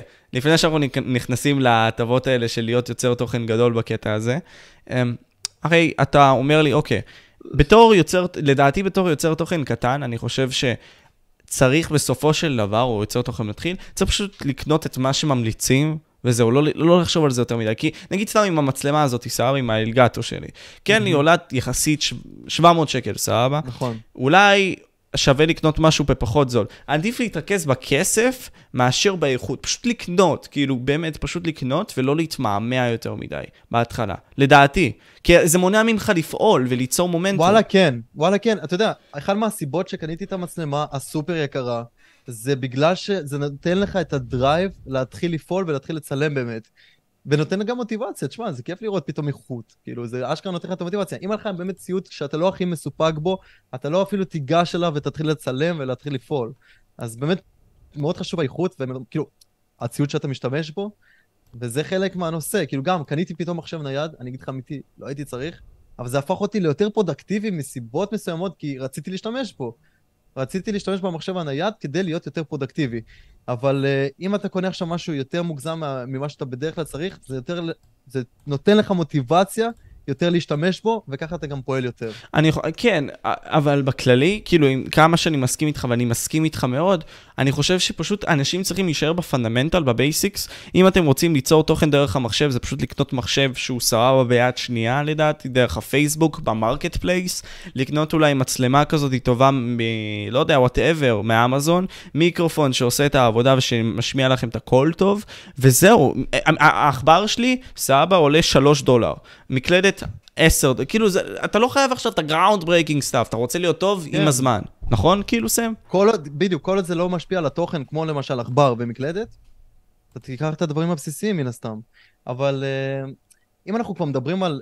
כי אנחנו בת, בתוך הנושא הזה של ה, מה אתה צריך בשביל להתחיל להיות יוצר תוכן בארץ. נכון. נכון? ספציפית לגבי הנושא שלך, אתה הרי עושה פודקאסטים, ואתה כבר בן אדם, בן כמה אתה? בן 18? אני 19, כן. 19. אני ממש לפני קצת זמן, כן. בדיוק, כי שמעתי שאתה אמור להתגייס עוד מעט, לא? כן, כן, עוד כמה ימים זהו, אז. חשבתי שאתה 18, לא משנה. בקיצור, אני יודע שאתה בתור בן אדם שהוא כבר מבין עניין, אינטליגנט מספיק בשביל לדעת מה קורה בס... מסביב... מסביבך, אתה כן עם מספיק אה, רצון ומספיק, אה, אתה יודע, השקעה, אתה כן תצליח ביוטיוב, לעומת בן אדם ש... אני אגיד לך אמיתי, מישהו בן 15-16, שרק רוצה להתחיל יוטיוב, והוא לא יודע לערוך בצורה סופר מקצועית, לא יודע לצלם טוב, ואין לו את האיכות הכי טובה, יהיה לו מאוד מאוד קשה, כי אם אין טרנד, היום ביוטיוב מאוד מאוד קשה, ואני בטוח שיהיה לבן אדם שלא היה מהעולם הזה, להתחיל כמעט בלתי אפשרי. אז לך ספציפית, קודם כל זה הגיל, וקודם כל גם שהעובדה שאתה עושה פודקאסטים, שזה דבר חדש לגמרי בארץ, שאני, כאילו באמת, סוף סוף כמוך מישהו מביא דברים שצריכים להיות פה כבר לפני שנה וחצי, והם לא היו, למרות שאתה כנראה כמה זמן אתה כבר עושה את זה. אני כבר מ-2020 בדצמבר התחלתי, אבל זה בכלל לא היה על אותו קונספט, זה פשוט אני וחבר התחלנו לדבר ולעשות אז את אתה זה. מבין? הנה, אתה התחלת, התחלת לחשוב מה אתה אוהב יותר בתוך הדברים שאתה יוצר, מה הקהל אוהב יותר, והצבת את עצמך והפכת להיות, אנחנו מדברים פודקאסט. כן. אתה מבין? והאנשים הכי גדולים בארץ מבחינת, בין אם זה ביצירת תוכן, שזה הנישה שלי, ובין אם זה גם פוליטיקאים ואנשים גדולים, אה, פרופסורים רוצים שאני אבוא לאוניברסיטאות שלהם בשביל שאני אעשה שם את הפודקאסטים.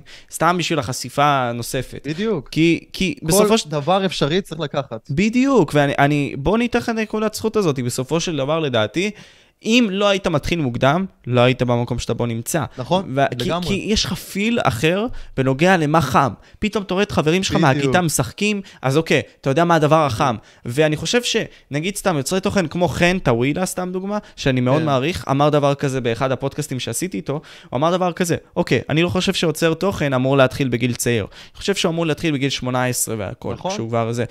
אני לא מסכים עם זה כל כך. אתה מסכים עם אני זה? אגיד לך מה, אני מסכים עם זה ספציפית לארץ, וספציפית כי אני אגיד, אני יודע שבארץ, כי כמו שאמרנו לפני זה, יעבוד אך ורק לפי טרנד. היום, אם אתה רוצה להצליח בתור ערוץ חדש, אם אין לך פה טרנד או משהו חדש שאתה מביא, אתה לא תצליח. יש כבר מספיק באמת אנשים שעושים את זה למרות שהרבה גם הפסיקו.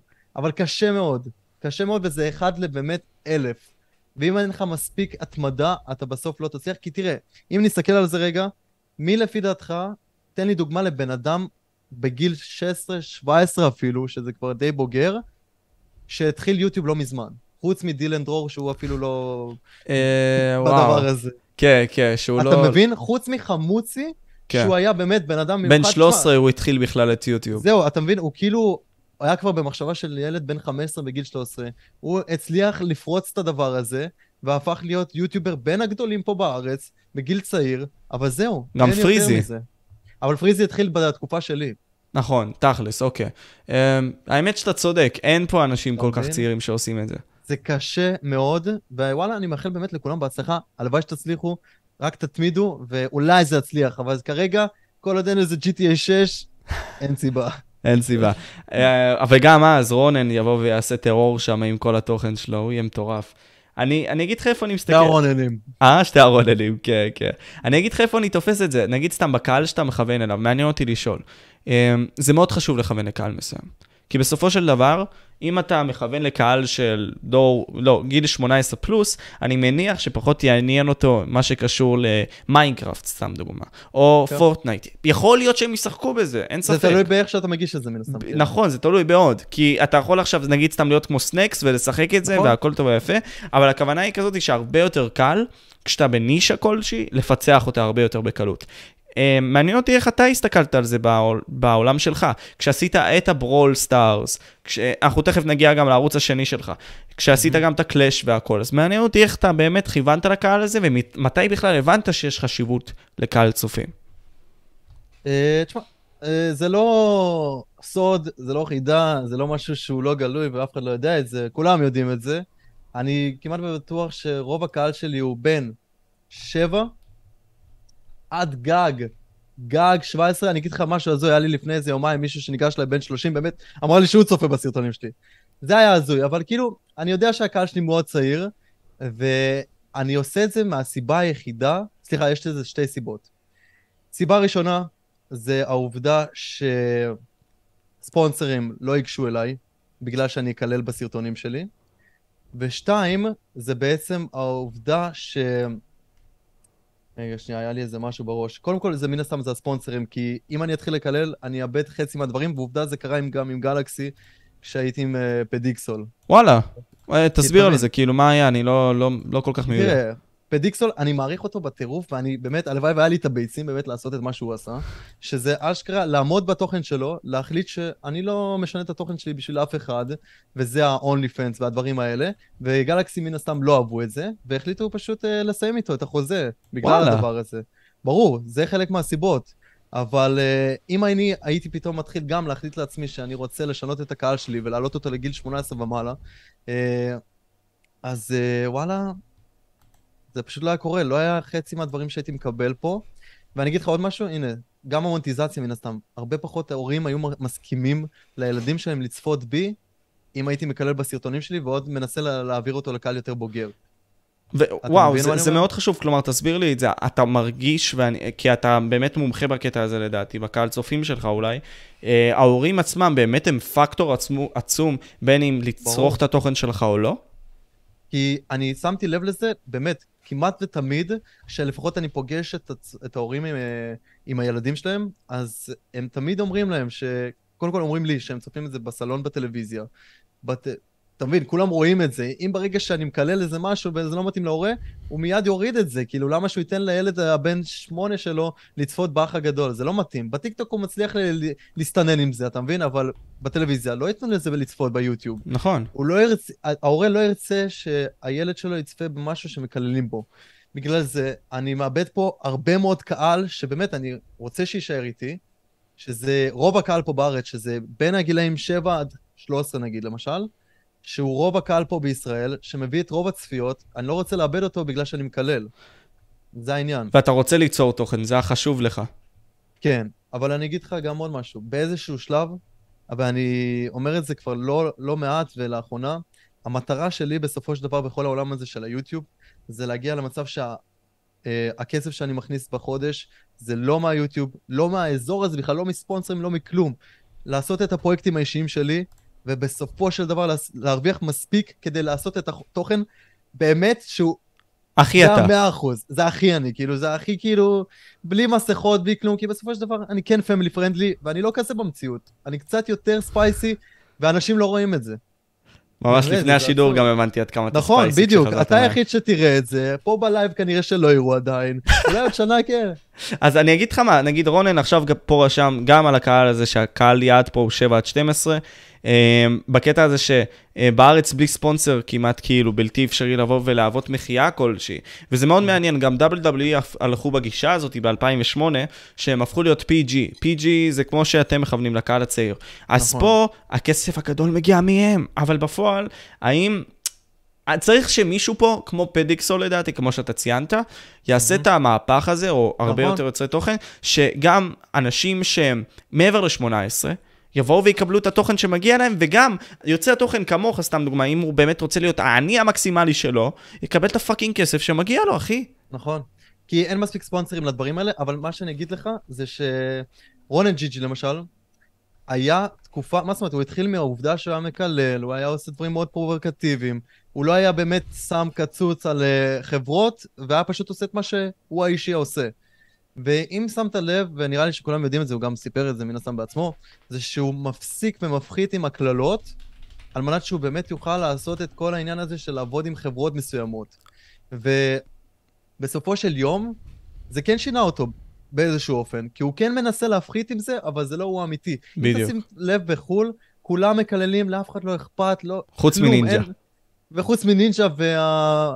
אה, זה, הפורטנט השני הזה עם המשקפיים. מי? וואי, 43 משהו. אה... זה שממש מצחיק 30, בטיקטוק. ניקיי כן. 30? כן. כן, כן, נראה לי הוא. אז זה עם המשקפיים. רגע הזה, כן. שהוא באמת אסור שאפילו לשיר. הוא אומר, לא, אני חייב לעצור על זה. הוא אמר שהוא שומע לצערו שירים עם קללות. וואו, וואו, איזה מסכן, איזה בן אדם. אחי, טהור. זהו, טהור, כאילו, תבין, זה לא הוא, אבל uh, בחו"ל כולם לא אכפת להם. פה יש את המהפך הזה שמתחיל לקרות, שזה פדרו פדרר, רונן ג'יג'י, אה, אה, זה, פדיקסול, שמתחילים לעשות תוכן פה, כאילו, בסגנון שלהם, 18 פלוס, 16 פלוס, וכרגע לרוב הקהילה אין מספיק ביצים, כולל אני, להתחיל לעשות את זה, כי אנחנו יודעים שאנחנו נאבד עבודות, ואנחנו נאבד את הכסף שאנחנו יכולים לקבל מכל הדבר הזה, שבסוף גם הולך לשיפור התוכן. אז זהו, אני שיתפתי משהו עם הקהל שלי, נפגש, נפגשתי איזה לפני כמה שבועות עם רונן, בחיים האמיתיים, וממש דיברתי איתו על זה ברכב. אה, סוג של יצא כאילו מין סוג של עניין כזה, שאלתי אותו, שמע, אני זוכר את הימים שבאת ויצאת על אליאסו, על כל האנשים האלה שעשו את הדברים הנוראים, וסיגול, ווואלה, אתה, אני מרגיש שאתה הולך להפסיק. והוא אמר לי, כן, שמע, אני רוצה לחיות נורמלי עם אשתי, עם מיטל, ווואלה, אין מה לעשות. בישראל קשה מאוד לחיות בלי ספונסרים. ווואלה, נהרס לי השם בגלל הרבה מאוד דברים כאלה, ואני יכול להבין אותו. השאלה היא כזאתי, האם אנחנו חייבים לחיות כמו בהוליווד, בעצם לשחק את הדמויות שלנו, ולא להביע את עצמנו בשביל להישאר את אותם אנשים, או בסופו של דבר להיות מי שאנחנו באמת ולשאת בתוצאות? מה אתה חושב? מעניין אותי. Uh, כרגע, לפי איך שאתה שם לב, אני חושב ש-80% מהקהילה כרגע מעדיפה להיות קצת הוליווד, עוד פעם, כולל אני, לא מתבייש בזה, על מנת שיהיה לנו יותר אה, אפשרות לספונסרים, הרבה יותר אפשרויות לדברים אחרים ב, ב, בדבר הזה עצמו, שזה נקרא יוטיוב הישראלי, הקהילה הישראלית וכל מה שמסביב. אנחנו לא נצליח להתקדם כרגע מעבר לזה, אם פתאום יעשו לנו קנצל, וקנצל לקבל בארץ כל כך קל, ברגע שאתה עושה קצת יותר מדי דברים, אתה לא, לא יאהבו אותך, יפסיקו גם לעבוד איתך, במיוחד החברות, אה, יפחתו הצפיות, ו... וזה הורס, כאילו, אני, אני לא יודע, אני לא חושב שאפשר כרגע לעשות את זה, אלא אם כן יהיה פה מהפך פתאום ממש משוגע, ולהורים פתאום גם פחות יהיה אכפת, פחות שליטה גם, ויהיה אפשר באמת לעשות את מה שאתה באמת עושה, וזה להיות אתה אמיתי לגמרי, גם אם זה פתאום קללה פה ושם, לא שאתה מכוון לזה, אבל פתאום ושם אתה מקלל, לא נורא, פתאום פה אתה עושה את מה שאתה באמת רצית לעשות, ולא בסגנון של הילדודס וזה. כן. ואז יהיה אפשר לעשות את זה בסגנון הכי טוב שיש, כאילו, בהכי איכות. בהכי איכות. יש פה אנשים בצ'אט שרושמים לי כאילו, אה, מבחינת קניית צפיות, כאילו מעניין אותי על העניין הזה, סבבה? נתעכב רק בזה, אני לא רוצה עכשיו להתעסק בזה יותר מדי, אבל מה אתה חושב כן. בנוגע לקניית צפיות? זה דבר שבכללי לדעתך קורה בעולם התוכן ככלל, עולם הרשתות החברתיות? או אוקיי, קניית סאבים? אני רוצה רגע לגשת לזה. יש פה מימס ישראל, זה הבחור שרשם את זה. כן, מעניין, אני, אני פשוט האם כאילו... האם הוא קונה צפיות? האם הוא זייף הגרלות? האם הוא יודע על זיוף הגרלות ושתק? אז uh, אני רוצה רגע לענות על כל הדבר הזה שהוא פנה. סגור. בוא נתחיל מהעניין הזה של הקניית uh, צפיות. אז מן הסתם שאני בחיים לא אקנה צפיות, משתי סיבות. אחד, הסיבה הזאתי שכל הקהל רואה שזה לא אתי, לא מגניב, לא מגניב לקנות צפיות. לא עושה את זה. והדבר השני, שזה הכי הגיוני שאני לא אקנה צפיות, כי אני עושה צפיות בשביל לקבל כסף. אני לא אקנה צפיות כי זה לא מביא לי שום תמורה, אלא אם כן אני הוצאתי איזה שיר. כרגע לא הוצאתי שיר, לא צריך את הפרסום המיותר הזה. והם עושים את בהמשך, זה בפועל. ואני אגיד לך אמיתי, אני כנראה אפרסם את השיר שלי בעזרת פרסומות. אין אופציה לקנות אה, קניות, אלא אם כן אתה קונה את זה בהודו, שזה בכלל דפוק, זה הורס את כל האלגוריתם, אין שזה איזה סיבה.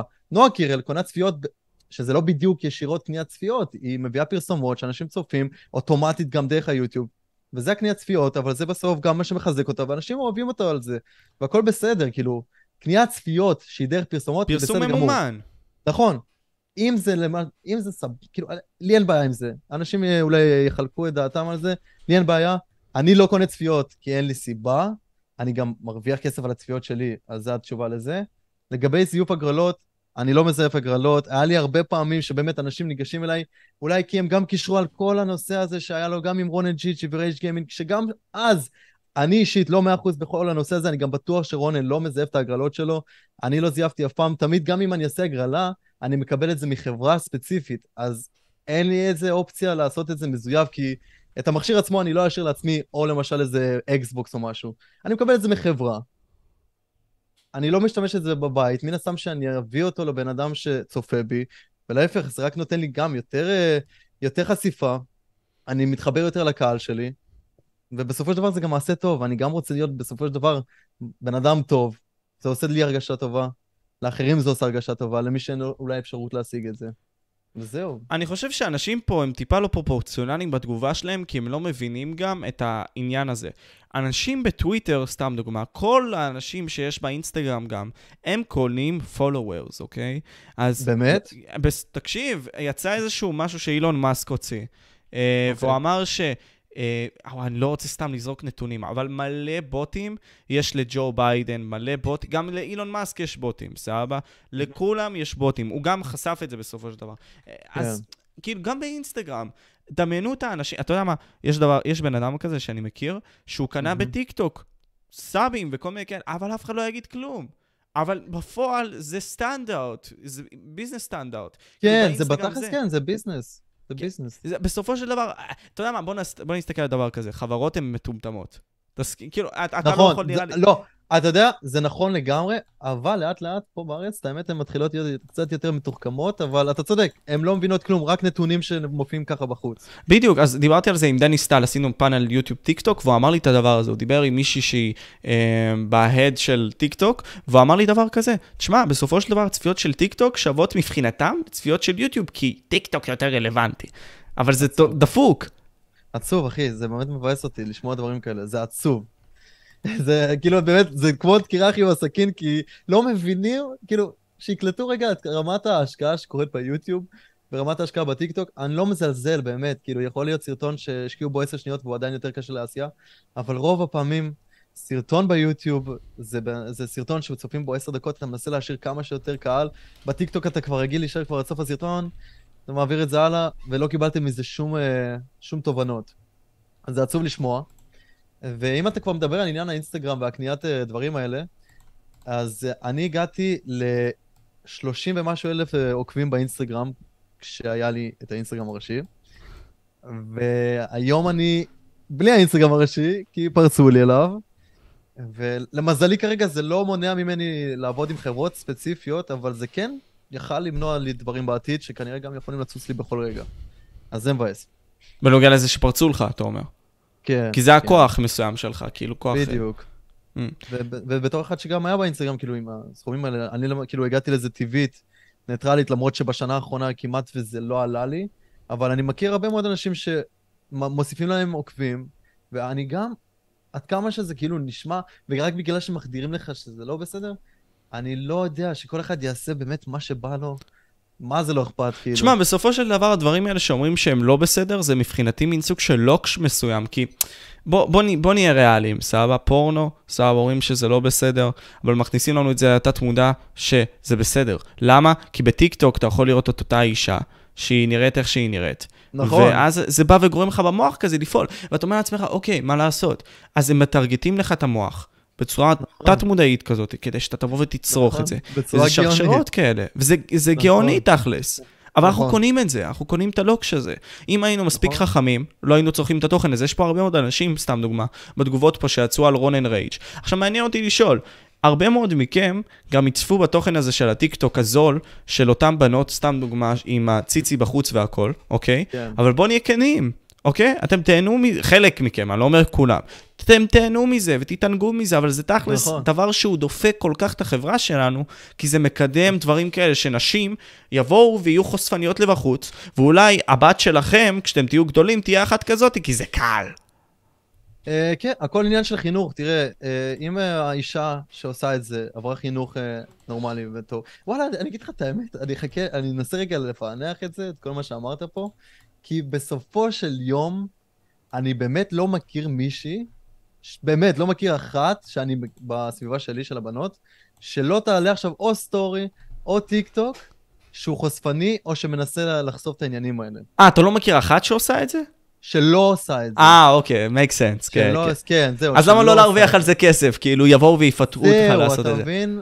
אני, אני, באמת, אני גם האמת, בזה אני גם לא רואה משהו רע. שיעשה כל אחד שתעשה מה שבא לו. זה תלוי בצורך. הבעיה של זה שעל הצורך. זה האשמה. מי שעושה את זה, שתעשה.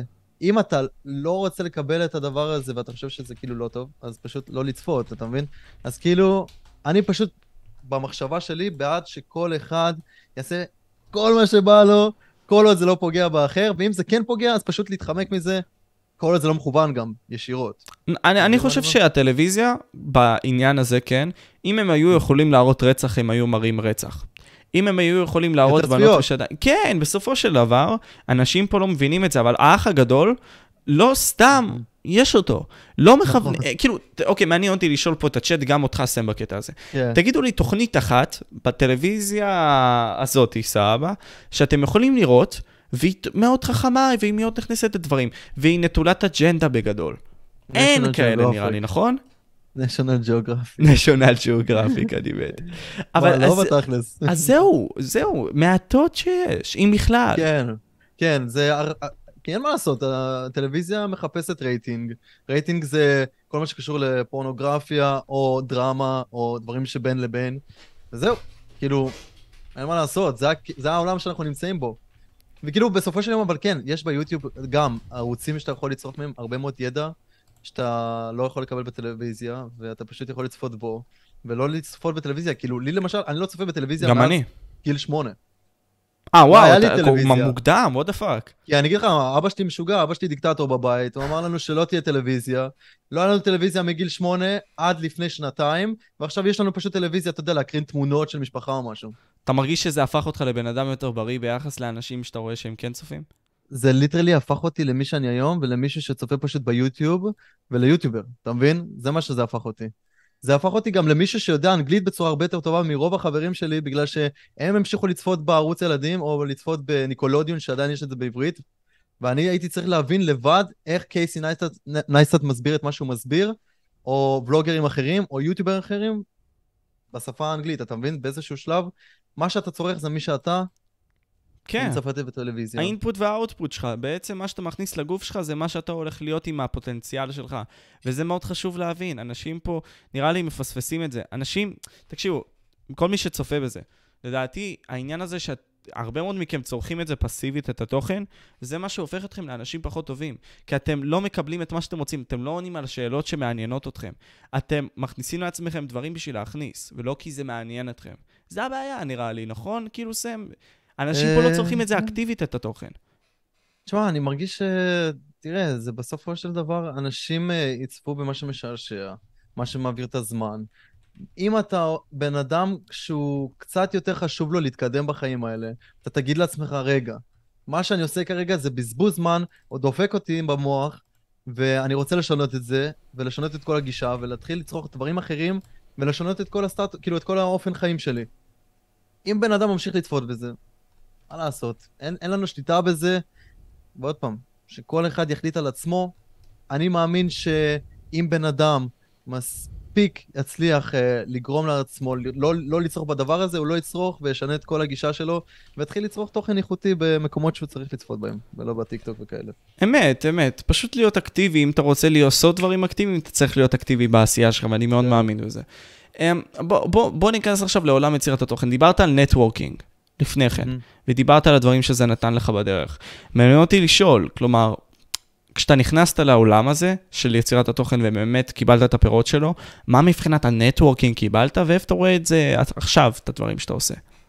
אז אה, אני אגיד לך את זה בצורה, קודם כל הבסיסית והכי הגיונית והכי גדולה, שזה מן הסתם יצירת קשר עם כל הקהילה, כולל איתך, כולל כל מי שנמצא ביוטיוב. אני כרגע חבר של כולם פה.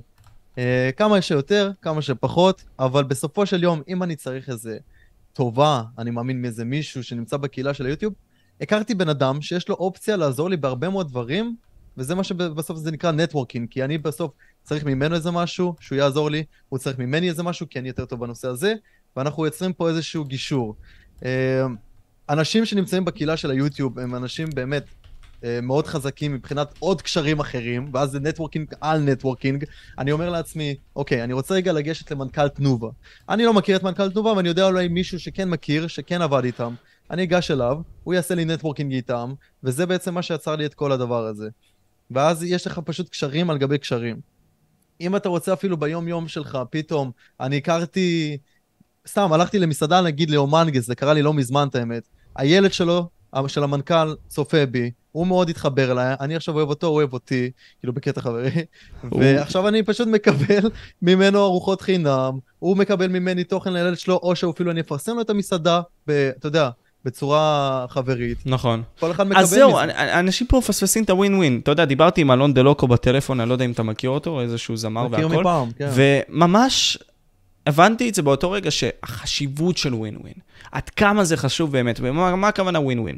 כמו בכלכלה, שנגיד סתם, אוקיי, אתה מביא לי כסף, אתה מקבל מוצר, ואנחנו מסכימים על זה שנינו, אז בפועל, נגיד מה שסם עכשיו אמר, שזה כל כך עוצמתי, אתה מביא נגיד סתם את הנכס שלך בתור סם רויאל, ובערוץ השני שלך גם שיש את המנויים, או אולי אוהבים את זה, אולי אוהבים את זה, מעניין, אוקיי.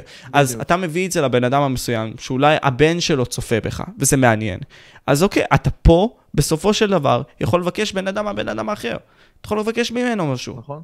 נכון. בסופו של דבר. אין בזה משהו רע, כאילו, כן, כן, לא, לא, הכל בסדר. ואם לא, ואתה לא אהבת את הלא הזה, אתה יכול לנתק את ה networking הזה, הכל בסדר, כאילו.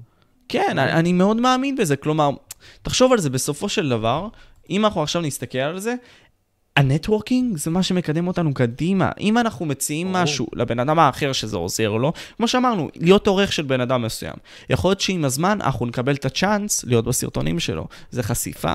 מעניין אותי לראות כאילו בקטע הזה איך אתה מסתכל על networking ועל דוגמאות אולי שאתה עשית בשביל לקדם אותם, ואולי איך לעשות networking נכון. כי הרבה מאוד אנשים מפספסים את זה. אז אני אגיד לך מה, יש שתי אופציות ל networking, ואני פשוט... אה... יכול להיות שקרה לי, כי אני בסופו של דבר בן אדם, אבל בסוף networking זה נוצר משתי אנשים שיש להם הרבה מאוד נושאים משותפים, שיכולים גם לעזור אחד לשני, ובסופו של דבר מחבבים אחד את השני. לפעמים אתה יכול גם ליצור את ה networking הזה שיהיה חד, כאילו חד אה, צדדי, שיפעול רק בשבילך ולא לצד השני, ואז ברגע שהוא כן יבקש משהו, אתה כבר לא תהיה שם. אז זה כבר, זה מה שדיברנו עליו, זה קצת לרמוס. אה, לי לא יצא כל כך, כי אני תמיד מסתכל על זה בצורה של...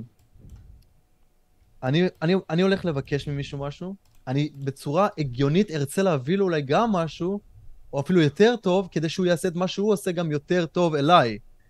אתה מבין? אז כן. כאילו, בסוף זה גם, עוד פעם, ככל שאתה מביא מעצמך, ככה הוא גם יביא, וזה מאוד הדדי. אם זה לא קורה, אתה יכול פשוט לסיים עם זה. אז ה networking שאני בעצם יצרתי, זה בעצם רק, בינתיים, בעיקר אך ורק מבחינת אנשים. אני פשוט יודע שכרגע, למי שאני לא אגש בקהילה, שאם אנחנו כבר מדברים על היוטיוב, מן הסתם שזה גם קורה מבחוץ, לא משנה למי שאני אגש, in the game, זיגי, אפילו רונן ג'י ג'י, אני יודע שאני יכול לבקש משהו שהוא אפילו לא יהיה קטן, והם בכל זאת ינסו ואפילו יסדרו את זה ככה שזה כן יצליח לי, ומה שאני ביקשתי בעצם יעבוד, כי להם יש את הקשרים האלה, ולי אין. נכון. ובסופו של דבר, כאילו, אנחנו יכולים לראות את זה גם ככה, שבגלל שיש לך את הנכס הזה, אז אוקיי, אתה אמרת גם, גם פה נקודה מאוד מעניינת, האנרגיה. אם אתה נגיד סתם עובד מאוד קשה והכל, ואנשים רואים את זה, אז בסופו של דבר אתה עוזר גם לבן אדם האחר, כי אתה, זה אנרגיה שגדלה ביחד איתו. אז אם נגיד סתם, אתה עכשיו בא ועובד קשה בסט, ועושה את הדברים והכל, אתה משפיע על הבן אדם השני, אז זה גם יוצר איזשהו משהו. אנשים רואים אותך והם אומרים, וואו, אוקיי, זה הבן אדם. אתה עומד עכשיו על רונן GG או על כל מיני כאלה ב networking, אוקיי, אז בגלל שיש לך את הנכס הזה, יש לך גם השפעה. ובגלל ההשפעה הזאת, הם אולי נפתחים לאופציה של אוקיי, אולי בעתיד זה יעזור לי, אבל לא בטוח, אבל בוא אני אעזור לו בשביל האופציה. נכון, ברור, אין מה לעשות ככה, זה, זה עולם של אינטרסים, גם אם זה אינטרס כביכול, כי עוד פעם, אינטרס זה נשמע ממש ממש לא נעים, כאילו אתה אינטרסנט, אבל בסופו של דבר כל העולם הזה אינטרסים, גם, כל הבני אדם, גם אהבה טהורה זה אינטרסים. אם אני עכשיו uh, מסתובב עם חבר הכי טוב שלי, ואני נהנה מהשהות שלו, והוא נהנה מהשהות שלי, זה אינטרסים של כל אחד מאיתנו. אז בסוף, כל עוד יש לך אינטרס כלשהו וזה לא פוגע, אז זה, תבקש אותו. תעשה ככה שזה כן יהפוך להיות uh, משהו שהוא יכול להביא לך. וזהו. אני מאוד מסתכל על זה ככה, כאילו, מה שאנשים פה מפספסים לדעתי והם מפחדים, זה לעשות את ה networking הזה. כי, אוקיי, אני מפחד לפנות לבן אדם הזה. כאילו, תכלס, למה שאני אפנה לבן אדם הזה בשביל לעשות איתו את הקשר הזה והכל? אנשים פה מפספסים, נראה לי, הזדמנויות גדולות, ולא מבינים את הכוח שלהם בתור יוצרי תוכן בקטע הזה. איך אתה מסתכל על זה? Uh, תראה, יש פשוט סגנונות, יש אנשים שאולי לא יודעים איך לעשות את זה, לא הכי טובים מבחינת... ליצור קשרים לא הכי טובים בלדבר עם אנשים, אה, אולי לא חושבים שלא רואים אותם בצורה טובה. אה, זה אופציה אחת, ובגלל זה הם לא מצליחים לעשות את הנטוורקינג הזה. ויש את האופציה, שאני אגיד לך את האמת, ש... שאני נגיד יודע שאם אני רוצה לגשת למישהו ולדבר איתו, אני אעשה את זה מצוין, אני מאמין שאנחנו נתחבר, כי לי אין כוונות רעות, ואם אני כנראה בוטח בו, אז כנראה שגם לו אין כוונות רעות. בצורה מוגזמת אמרתי את זה, אבל ככה. לפעמים קורה סיטואציה שבאמת בצורה טבעית אצלי אני אומר לעצמי, אה, כאילו יש לי איזה הצעה לאיזה networking, סתם דוגמה, מישהו אומר לי לבוא לאיזה משהו כי יש לו קשרים וזה. ואני אומר לעצמי, לא, עזוב, אני אוותר, כאילו, פחות מתאים, וזה פשוט לא זורם. אז כאילו, זה תלוי גם באיזה סיטואציה אתה נמצא.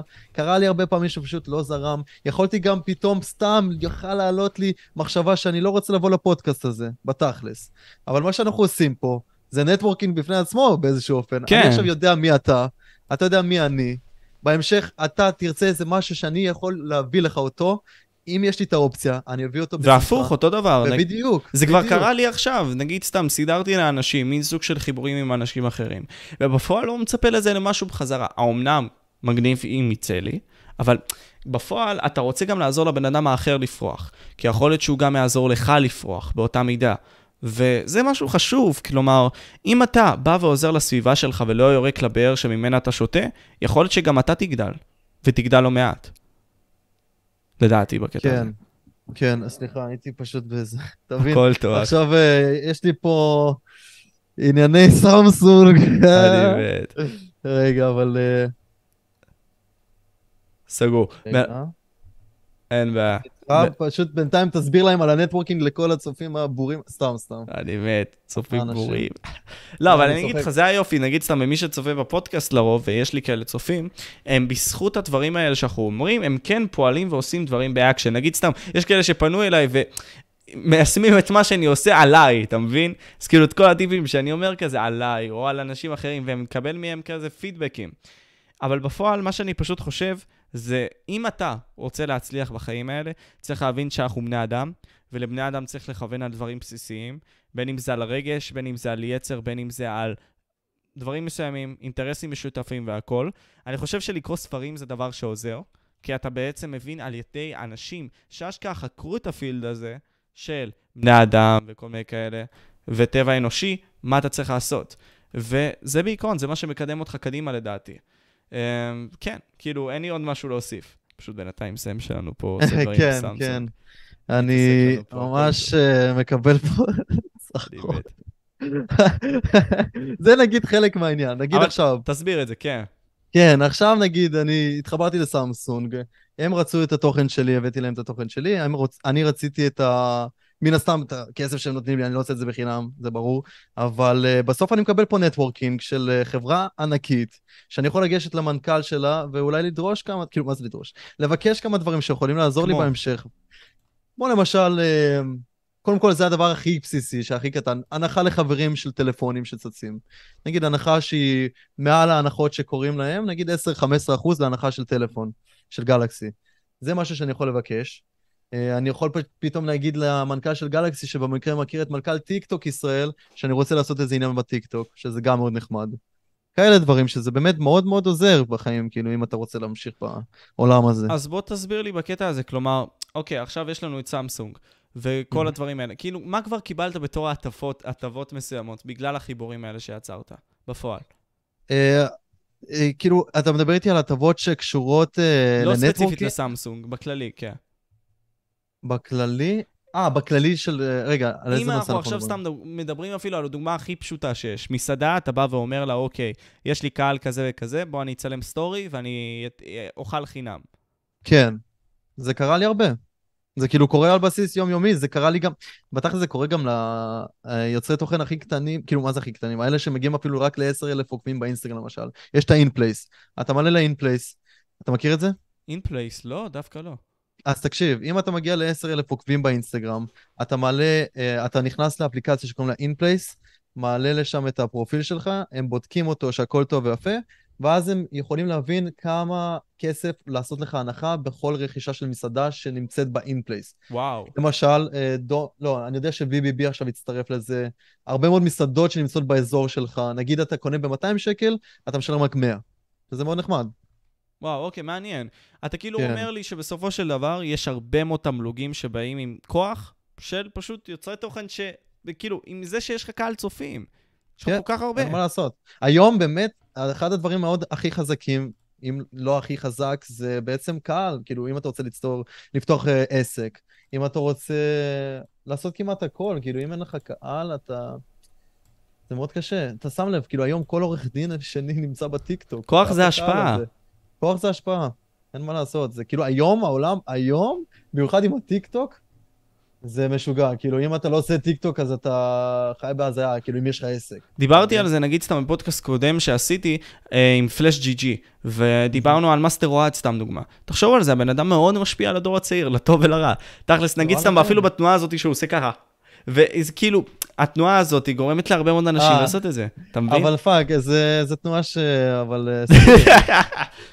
מה, זה מבאס אותי שאנשים חושבים שהוא הביא את זה. עד כמה שאני מכבד את אוהד, אחי, זה Speed, ברור. זה Speed. אבל כן, אפשר לדעת שהוא מן הסתם גם אומר שזה Speed, אבל... עוד פעם, הרבה אנשים פה בארץ, כאילו, צופים, כשהם צופים במשהו, הם חושבים ש... ברגע נגיד זה בא מחו"ל, אז הם ישר מתנפלים על זה שזה בא מחו"ל. אם הם לא יודעים שזה בא מחו"ל, אז הם ממש מתלהבים על זה, ולא יודעים שזה כן בא מחו"ל. הם לא פשוט רואים את התמונה המלאה רוב הזמן, וזה ש... מה שכאילו... קצת מבאס, כי מה לעשות, זה קהל צעיר שצריך עדיין לעלות באינטליגנציה ולהתחיל להבין את הדברים. אבל עוד פעם, לא מזלזל, פשוט אומר ש... צריכים משהו להעלות את הרף. בדיוק, להעלות. את הרף. באיזה ש... נגיד סתם בסטייט שלך, בזמן שאתה מעלה את הרף, עושה את השיתופי פעולה האלה עם היוצרי תוכן הגדולים, אתה בעצמך עושה סרטונים מטורפים והכול, ועם הזמן פשוט הבנת את הסטייל שלך, בזה שכמו שאמרנו לפני כן, לקחת דברים מחו"ל. אה, גם לקחת את הסטייל שלך והבנת מה יותר. יש לך בטח עורכים, נכון? או שאתה עורך לעצמך, מעניין. Uh, בערוץ גיימינג יש לי את העורכים, ובערוץ ולוגים אני עורך לעצמי. הערוץ ולוגים עדיין, מה, כאילו, מעניין אותי מבחינתך מה זה ערוץ גיימינג, מה הערוץ ולוגים שלך, כי אה, אז זה- הערוץ השני, זה שנפרץ כביכול הוא ערוץ הגיימינג שלך? כן, ערוץ, זה ערוץ הוולוגים. אה, זה ערוץ לא. הוולוגים? לא, ערוץ כן. רויאל הוא ולוגים. כן, הסם רויאל זה הוולוגים, סם קלובסקי זה הגיימינג. נכון. מה זה גיימינג? אין לי אפילו ערוץ גיימינג, זה ערוץ reactions עכשיו. בדיוק. כי היה לך גם תוכן reactions, נראה לי, אם אני לא טועה, בסם רויאל, נכון? לא, לא, לא, לא. לא היה לי. אז לא היה. לי, אבל אה, פשוט ערוץ אה, גיימינג, מה שזה נקרא עכשיו, הסם קלובסקי זה פשוט הפך להיות ערוץ רנדומלי שאני מעלה שם אה, בצורה פתוחה, תוכן שהוא פשוט קצת יותר קל לעשייה מערוץ ולוגים. מה אתה מגדיר קל לעשייה? לעמוד מול, אה, כאילו לשבת מול המצלמה במחשב ולהתחיל לשחק במשהו או להגיב, זה הרבה יותר קל מלצאת עכשיו החוצה ולעשות אתגר פסיכי באיזה ספינה. תכלס, אין, אין, תכן, אין ערוץ reaction אחד בארץ שהוא עושה את התכנים האלה, כאילו בגדול. אה, כן, למרות שעכשיו אה, פדיקסול התחיל לעשות את זה, הוא גם פתח עכשיו ערוץ שני. נכון, ריין חסבני. כן, שזה בדיוק, זה אשכרה, זה אותו הקונספט. מה, אני יכול להגיד שאני הבאתי לו איזושהי מוטיבציה לעשות את זה. זה איזושהי... איזשהו אה, פוש. כן, בדיוק, כי תחשוב על זה, הוא הבין בעצמו שאת התוכן הקשה שהוא יכול לעשות רק בפדיקסול, הוא יכול לעלות פעם בחודש, פעם בשבוע, בגג, אבל אם הוא רוצה להיות קצת יותר פעיל, ואצלנו, כמו שאמרנו בארץ, אה, כמה שיותר תוכן, כמות על איכות, צריך גם ערוץ שני. זה למה רונן יהיה מטורף כשהוא יעשה את מה שהוא רוצה לעשות. אני בכללי אכנס לעניין הזה, כן? אתה נמצא כן. ב state שלך בתור בן אדם שהוא מאוד גדול בעולם התוכן. אה, מה, במה אתה מתעסק עכשיו בפועל? אתה אומר לי, אוקיי, אני, אני רוצה להבין באמת את הנקודת מבט שלך בשבוע שלך. כלומר, מה אתה באמת עושה?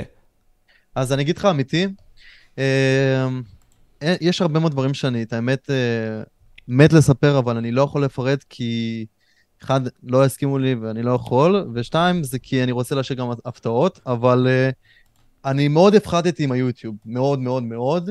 אני כרגע עובד על ערוץ היוטיוב שלי, או לפחות שני ערוצים, וואו, מבחינת שעות, אולי חמש שעות, אה, לא, סליחה, אולי עשר שעות בשבוע. אולי. וזה לא הרבה, בפועל. זה כלום, זה כלום. פעם הייתי 24/7 כאילו, וזה כלום, ואני מאוד uh, מבואס על זה באיזשהו אופן, אבל אני עושה את המאמצים האלה, ואני עושה את הדברים שאני עושה כרגע, שזה פרויקטים צדדים שאפילו לא קשורים ליוטיוב, על מנת שאני באמת אוכל לעשות את היוטיוב בצורה הזאת שאני רוצה, בלי התקציב שממומן לי על ידי ספונסרים ועל ידי הצפיות של היוטיוב. כך שאני באמת אוכל להביא את הכסף מבחוץ, להביא סכום, תקציב כמו דילן דרור, אבל לעשות את זה בסגנון שלי, ופשוט לא להיות, כאילו, תלוי במשכורת שלי מהיוטיוב, ואז להביא גם תוכן הרבה יותר איכותי. וואו, אז אתה כאילו אומר לי, אוקיי, אני רוצה להשקיע בדברים צדדיים בשביל שאולי יהיה לי FU money, שיהיה לי כאילו כסף כזה שיכול לאפשר לי, שגם אם עכשיו, ואני לא, אני סתם אומר את זה, יכול להיות שזה לא נכון, אני נגיד סתם רוצה לעשות תוכן לאנשים יותר בוגרים, למקסם את עצמי, להיות האני המקסימלי שלי. אני לא כן. אהיה תלוי באנשים. אז גם אם נכון. יבואו ויוציאו אותי מאותן סוכנויות או whatever, אני אוכל להיות מי שאני fucking רוצה להיות. בדיוק, בדיוק, וזה, וזה מה שאני גם מעריך אצל בדיקסון. הוא- זה, זה, זה מה שהוא עושה כרגע, ואין ברירה, או שאתה פשוט אה, מקווה שזה יצליח, או שאתה בונה קצת תוכנית, אה, וכרגע עושה כמה פרויקטים מהצד, על מנת שתוכל לעשות את זה בוודאות. אבל מה זה אומר פרויקטים צדדיים? עכשיו אתה אמרת לי לא להיכנס לזה, כן? סקרנת אותי, אבל מה בפועל, נגיד סתם בלי לתת דוגמאות ספציפיות, אתה אומר מבחינתך פרויקטים צדדיים? אוקיי, יש את הדברים שהם אה, לא עכשיו משהו ספציפי שזה פרויקט פתאום שצץ משום מקום ואני ממש רוצה להתעניין בו ולעבוד עליו עד שהוא יצא לפועל ולקוות שהוא יצליח. יש את הדברים שאני מן הסתם מתעסק שהם תמיד גם היו שם בזמן היוטיוב ועד היום, שזה השקעות. אני משקיע לא. מעט ב... לא, בקריפטו, את האמת, אני הפחדתי, אני לא מתעסק בזה עכשיו. אני מתעסק בעיקר בבניות, באופציות וכל הדברים האלה. יש לי כאילו אנשים ש... ממליצים, עובדים איתי, שאנחנו עושים את זה ביחד, שאנחנו ממש כאילו, אתה יודע, בסופו של דבר החוכמה זה לא להשאיר את הכסף בבנק, לשים אותם שם, שיעבוד. משתדל לעשות את זה כמה שרק אפשר, ללמוד מזה. אה, וזה בעצם מה שאני עושה על בסיס קבוע, שזה מחוץ ליוטיוב. עכשיו, אה, צצים לי בזמן האחרון דברים די גדולים שאני עובד עליהם, שהם לא קשורים לזה ולא קשורים ליוטיוב, ואני מאוד מקווה שיצליחו, ואם הם כן יצליחו, אז אולי יגלו את זה, אולי לא, אבל מה שבטוח, הם יבינו את זה לפי התוכן שישתפר. זה, זה כל מה שאני יכול להגיד. אז ב, כאילו, בכללי, אם אנחנו ניכנס לזה ולעוד כמה נושאים בשביל uh, להיכנס לנושאים טיפה יותר כזה עמוקים בקטע הזה. אוקיי, יש לנו את העניין הכספי, קריפטו, mm-hmm. וכל מיני כאלה, סתם דוגמה, כן? Uh, כן. אתה אומר לי, בסופו של דבר, ההכנסות שלך מיוטיוב, אל תשאיר אותן בבנק, לא כהמלצה, אתה פשוט אומר, יכול להיות שמהניסיון האישי שלך, פשוט לבוא ולהשקיע את זה. כי למה, למה כן. שזה יישב לך פשוט? כן, היום, אה, במיוחד כשמדברים על כל העניין הזה, זה שמדפיסים אינסוף דולרים, והכסף... יצא לי פה אבטיח. והכסף, והכסף אין לו באמת ערך. ממש כמו שאנדרו טייט אומר, money isn't real, ואני מאמין בזה כאילו לגמרי, היום באמת לכסף אין כמעט ושום ערך. היום הכל צריך לבוא בצורה או פיזית, או בצורה של... אה, או השקעות, קריפטו, איך שאתה לא רוצה לקרוא לזה. ואם אתה לא עושה את אחד הדברים האלה, אתה פשוט לא משנה כמה תעבוד, בסוף לא תרוויח כלום. ברמה כזאת. אמת, כלומר לכסף שלך לא באמת תהיה חשיבות. לא, לא תהיה. אז וואו, אני... אוקיי, אתה אומר לי גם פרויקטים צדדיים, האם זה גם קשור לאותם נטוורקינג שדיברת עליהם, נגיד סתם? אז אני אתן לך הצצה, אני אגיד לך משהו שאני כן יכול להגיד. אני עובד על הדברים האלה עם אנשים שהם כן מהקהילה, והם כן אנשים שהכרתי בזכות היוטיוב, וזה גם דברים, ש... כאילו חלק מהדברים, וגם בדבר הכי מרכזי, אני עובד, את זה אני יכול להגיד, עם רונן, רייג' גיימינג, שאיתו אני עובד כמעט על הכל בחיים האלה. אז אה, כן, בסופו של יום, בזכות ה networking שיצרתי, אה, אני יכול לעבוד ולעשות את הפרויקטים ולממש אותם, וזה מאוד עזר. אז כן. networking עזר גם פה. איפה אתה חושב אבל שנגיד סתם, כאילו, יש הרבה מאוד יוצרי תוכן פה שמסתכלים על יוטיוב כתחביב. איפה אמ-המ. לדעתך, באיזה שלב הם אמורים להסתכל על זה כ business, ומה זה אומר להסתכל על יוטיוב או על יצירת תוכן כ business מבחינתך?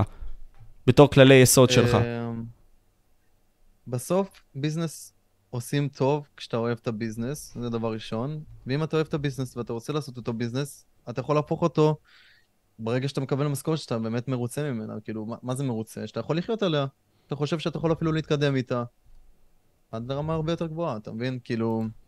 בארץ זה קשה פשוט, אבל אה, אם אתה מצליח, אז אתה מצליח. אממ. כאילו, תראה, אני בשוק מאינדה גיים, כאילו, אחי, קנה fucking דירה. גם זיגי. גם, וגם זיגי. גם רונן. וגם רונן ג'י ג'י, נכון? זה מדהים, אחי, זה באמת, באמת, באמת מדהים אותי שזה אשכרה קורה עכשיו, שאנחנו הצלחנו להגיע למצב שאנשים פה קונים דירות בזכות הדבר הזה. כאילו, אשכרה לפני חמש שנים זה לא היה קיים. לפני זה אתה קיווית לקבל 2,000 שקל ביום מכנס, וזה הכל. בדיוק. לאט כאילו... לאט אתה גם נחשף לאופציות הצדדיות האלה, נגיד סתם עם אסיף אני גם מדבר, והוא גם נכנס לדברים הצדדיים האלה, בשביל להגדיל את הרווחים האלה, פחות רוצה להיכנס למה הוא עושה בפועל, אבל דברים מעניינים כאלה שגם מגדילים לו את ההכנסה, וגם יבואו ויכניסו אותו ביג טיים ליוטיוב. נכון. בסופו של דבר. זה מאוד נכון. חשוב. בדיוק, זה, זה בדיוק זה. זה. אני גם עם אסיף בתקשורת מלאה, זה אותה התוכנית, אתה מבין? אותה התוכנית, לקבל אופציה לעשות את זה ממקום אחר, כך שלא נהיה אחראים, כאילו תלויים בדבר הזה שנקרא מונטיזציה וספונסרים. כמה שפחות להיות תלויים בדברים בשביל להיות כן. מי שאתה. זה, זה לאן שאתה מכוון, וזה יפה מאוד. נכון. Um, נשאל עוד, עוד כמה שאלות. Uh, מבחינת כן. יצירת התוכן, מה אתה רואה נגיד סתם שחסר ביוטיוב ישראל, מבחינתך? ומה היית נגיד סתם אם היית יכול באמת, היית במיטב הפוקוס משפר? מה, מבחינת התוכן, איזה תוכן חסר? כן, או מה מבחינתך, אולי חסר, אולי גם מין סוג של השקעות וכל מיני כאלה של ארגונים חיצוניים וכל מיני כאלה. אמ, מה זאת אומרת השקעות נגיד סתם, נגיד סתם, אמ, אני, לא, אני לא מרגיש אישית שיוצרי תוכן מקבלים הרבה מאוד אופציות על בסיס השווי שלהם. כי נגיד סתם, היה את אה, מה שקרה עם ה Creators, שהם לא, לא קיבלו את מה שמגיע להם בלשון המעטה, לדעתי. זה ממה ששמעתי מהרבה מאוד אנשים, לכאורה זה מה שאמרו, שהם קיבלו רק גלקסי. על זה שהם באו, באו והיו בתוכנית הזאת, אוקיי? אז אני לא, לא רוצה להיכנס לאם זה נכון או לא, אבל הכוונה היא שאני חושב שהרבה מאוד אנשים פה מקבלים under value רציני, ולא מקבלים את מה שמגיע להם. בפועל. אבל בואו ניכנס לעניין הזה של התוכן, ואולי משם נזרום לזה. מה אתה. מסתכל שחסר אולי? מה שחסר, האמת ש... אני לא יודע, מבחינת יוטיוב אתה שואל אותי, או שגם בטיקטוק וכאלה? לא, הטיקטוק, בעיקרון זה פשוט להיות טרנדי ולהיות רלוונטי כל הזמן. אין פה, נראה לי, אפילו מוח הרבה. את האמת שאני חושב שבאמת אנחנו הגענו לסיטואציה ביוטיוב שבאמת כמעט כבר יש הכל. כאילו, יש כאילו מספיק דברים שכבר... את רוב הדברים הבסיסיים שקיימים בחו"ל, או שצריכים אותם לפחות רק בארץ, כבר יש לנו, יש לנו ערוצי אוכל, יש לנו ערוצי, הנה, כמו שדיברנו, על השקעות למשל בארץ של... אה, נועם אנשים. פירוז. נועם פירוז גם עשה את זה, נכון, ויש גם אפילו הרבה מאוד ערוצי אנבוקסינג כבר, וראיתי גם אנשים שהם לא בן קיסר, או לא אנשים שהם כבר ידועים בקהילה הזאת, שגם עושים ערוצי unboxing חזקים מאוד, ולמשל אלון גרעיני, שהוא הכי מטורף, כאילו, סוף סוף יש לנו אלון גרעיני בארץ, אתה מבין? אמת. כאילו, אחי, זה לא היה הזוי שלא היה עדיין אלון גרעיני, כאילו, אני, כאילו, אני חושב על זה, היה 800 אלף ערוצי unboxing בחו"ל, איפה אלון גרעיני היה כל הזמן הזה? היינו צריכים אותו כבר הרבה מאוד זמן, והנה סוף סוף יש לנו, אז זה מזל. יש לנו גם את בן קיסר שעושה את ה unboxing, אבל אה, יש לנו את הגיימינג, ולוגים. אני לא יודע מה אפשר עוד להוסיף, אבל כנראה זה תלוי פשוט ב- לא לפחד לדעתי, הבא. יש נישות חסרות פה אבל. עוד. כמו מה למשל? תשמע, בוא, בוא נסתכל מחו"ל לדעתי. אם עכשיו יש ערוץ עם שלוש מיליון sub שעושה תוכן מסוים, אפשרי גם לעשות אותו בחו"ל. אה, ב- בארץ, סליחה. אה, כן. בין אם זה תוכן מעשיר אפילו, כאילו, אני... נגיד, אני מכיר איזשהו ערוץ שעושה NLP, סבבה, והעשרה עצמית וכל מיני כאלה, הגיע ל-40 אלף. אבל הנישה הזאת היא מאוד ריקה ביוטיוב. יש גם ערוצים של... רגע, בארץ זה 40 אלף? כן, כן, כן, כן, שחר כהן קוראים. לו. יש ערוץ של פרופסורים, שמביא דוקטורים ופרופסורים. אני אמור להיפגש איתו לקפה עוד כמה ימים. אמ, הגיע ל-30 אלף. תשמע, זה באמת, זה, זה כאילו באיזשהו אופן קצת, כאילו אפשר להסתכל על זה ביחס ליוטיוברים אחרים, אבל זה, בתור בן אדם שרואה את זה מבחוץ, מ... שאני יודע מה זה יוטיוב וכמה הק- הקהל פה מאוד מאוד ספציפי, זה סכומים מטורפים שסוף סוף יש לנו לדברים האלה. כאילו, תשמע, אין מה לעשות, אנחנו מדינה מאוד קטנה, אנחנו לא נקבל פה עכשיו שתי מיליון סאבים לכל ערוץ, זה הבאסה. אבל אה, אם יש לנו פתאום את ה... כמו שאמרת, ערוצים של פרופסורים, ויש להם 30 אלף ולא אלף, אז וואלה, אני מבסוט, אני אגיד לך אמיתי, וזה רק נותן את האופציה שהם יתקדמו. אבל עוד לעשות את זה, זה כבר בעיה, כי פה... לא, את האמת שלא. אם יהיה יותר, יהיה יותר קהל של, של זה, אז פשוט כן. פשוט צריך להעלות עוד ממה שכבר קיים, ונישות שונות של אותו הדבר הזה. לג... לגמרי, לגמרי. אני חושב שמשהו שעכשיו שמתי לב אליו, בעיה כלשהי, מעניין אותי איך אתה תופס את זה, עניין צה"ל. יש הרבה מאוד יוצרי תוכן שהם פורשים. האם לדעתך, אם באמת ערוץ לא רוצה למות, כמו גל כהן שהיה פה לפני כמה זמן בפודקאסט והולך להיות אצלי בפודקאסט עוד כמה ימים, אז בפועל אני שואל את עצמי את השאלה הזאת, האם הם צריכים, בגלל הכסף שהם הרוויחו מיוטיוב, לעשות outsourcing לתוכן מסוים שהם עשו כבר, ואולי לכוון את זה לשורטים, טיק טוקים, כל מיני כאלה? אה, בגלל שאין להם זמן לזה? בדיוק, בדיוק. כדי שהלהבה אה, תישאר חיה, כאילו ערוץ שהוא מת זה באסה של החיים. נכון, תכל'ס זה אפשרי, זה באמת אפשרי, ואני אגיד לך אמיתי, זה בתכל'ס מה שאני פחדתי ממה שיקרה לי.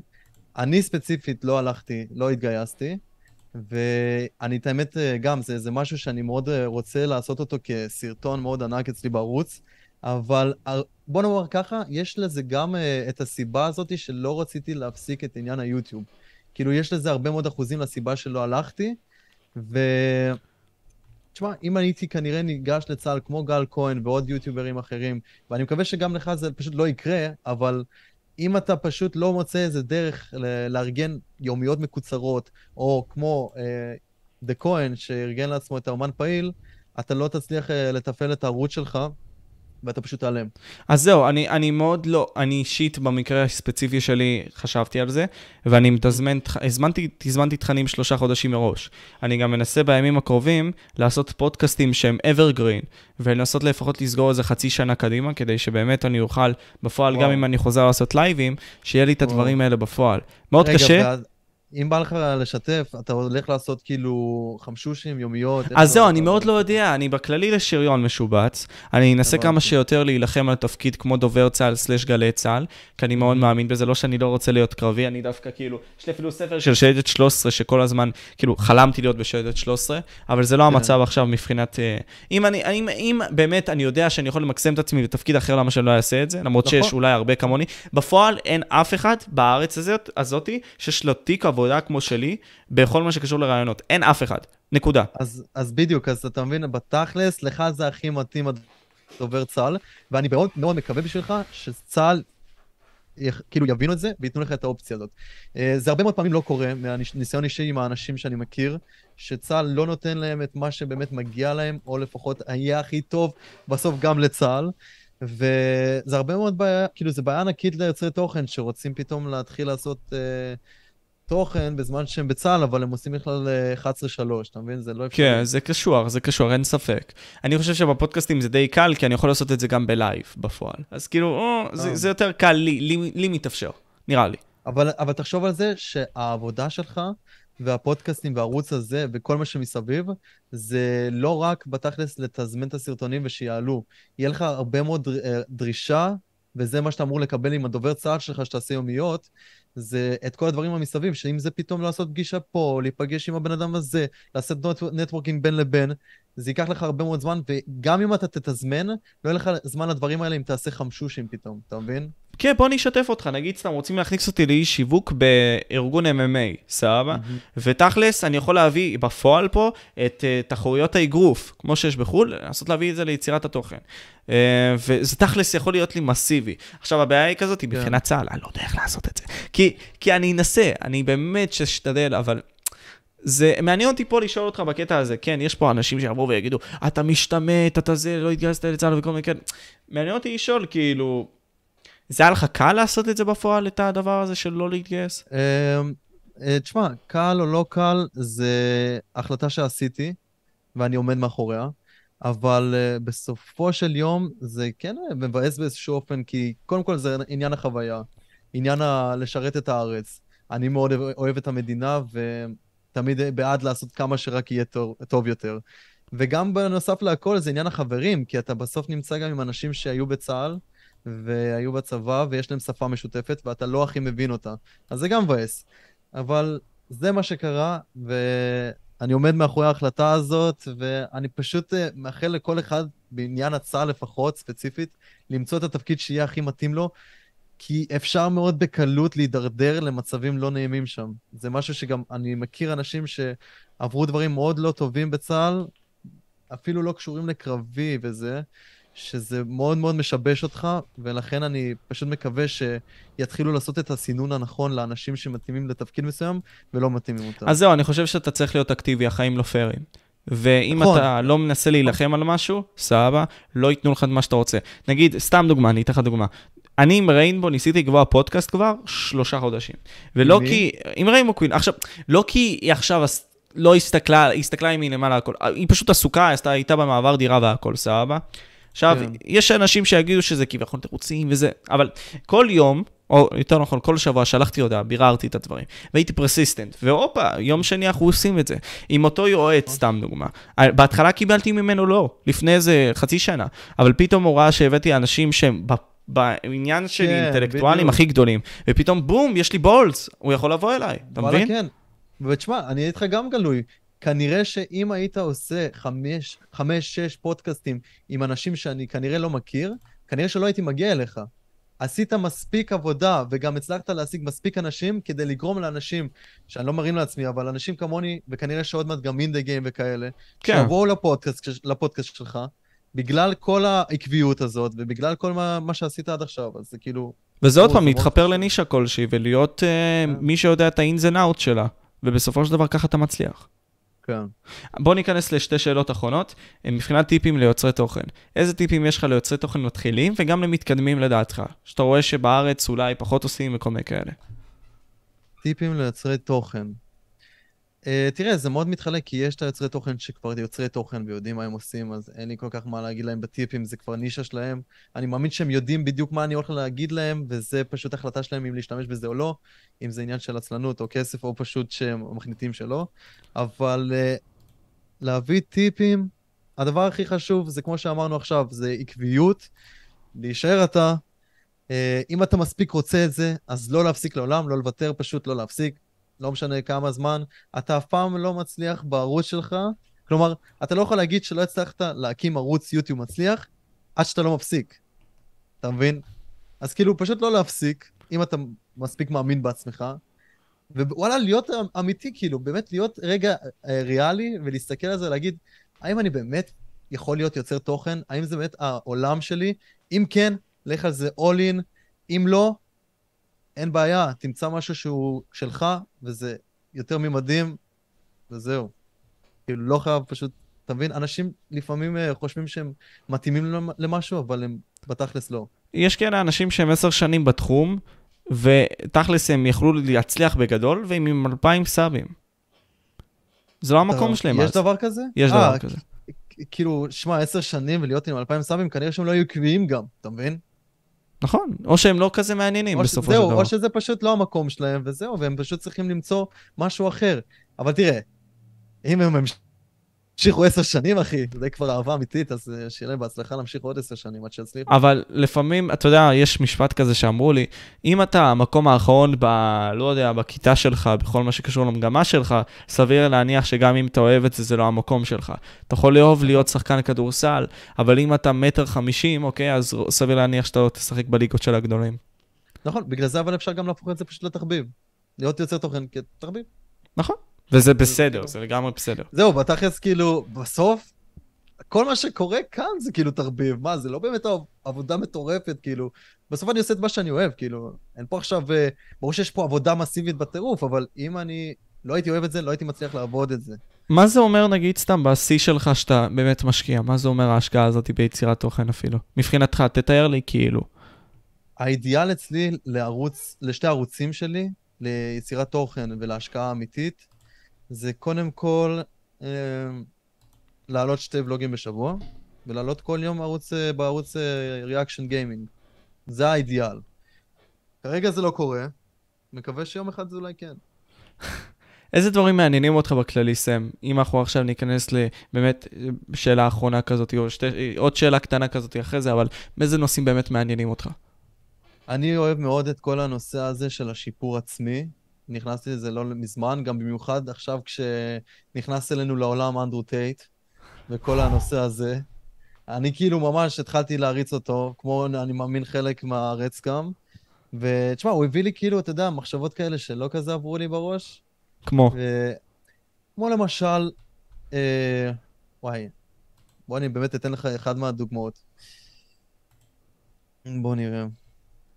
כי אני אגיד לך מה, זה הכל בסוף אה, מסתכם לאיך אתה, בתור בן אדם, אני לא יודע אפילו איך, לה, אפילו להסביר את זה, כי זה כל כך לפי דעתי עמוק, אבל אני חושב שזה פשוט גם, איך, לי, איך לגשת ל...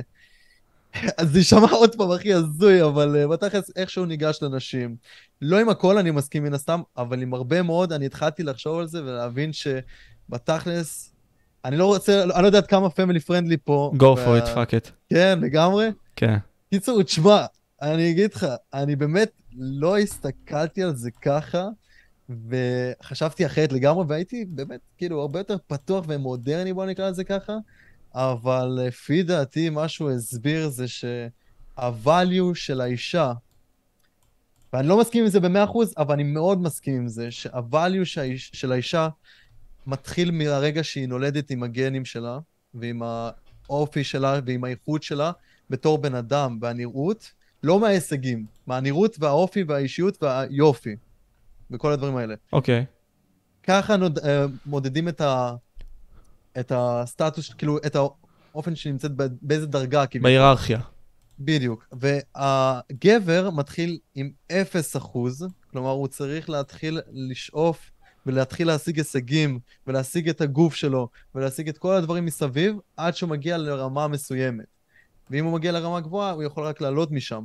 אישה, הרבה מאוד מה-value שלה, בתור מישהי, לפחות מהדברים שהיא יכולה להשיג, היא מקבלת מאוד מהיופי שלה, שהיא מקבלת בסוף מהגנים. וגם זה מזה שהיא. מחזיקה את המין בסופו של דבר. ומחזיקה את העניינים האלה, והדבר שעוד מעט, מה- מה שהכי כאילו קשור לזה, זה שגם לא האמנתי בזה, וזה ה body count. כלומר, אם לאישה יש body count גבוה, הסטטוס שלה יורד. עם כאילו, כמה היא שכבה. הכוונה.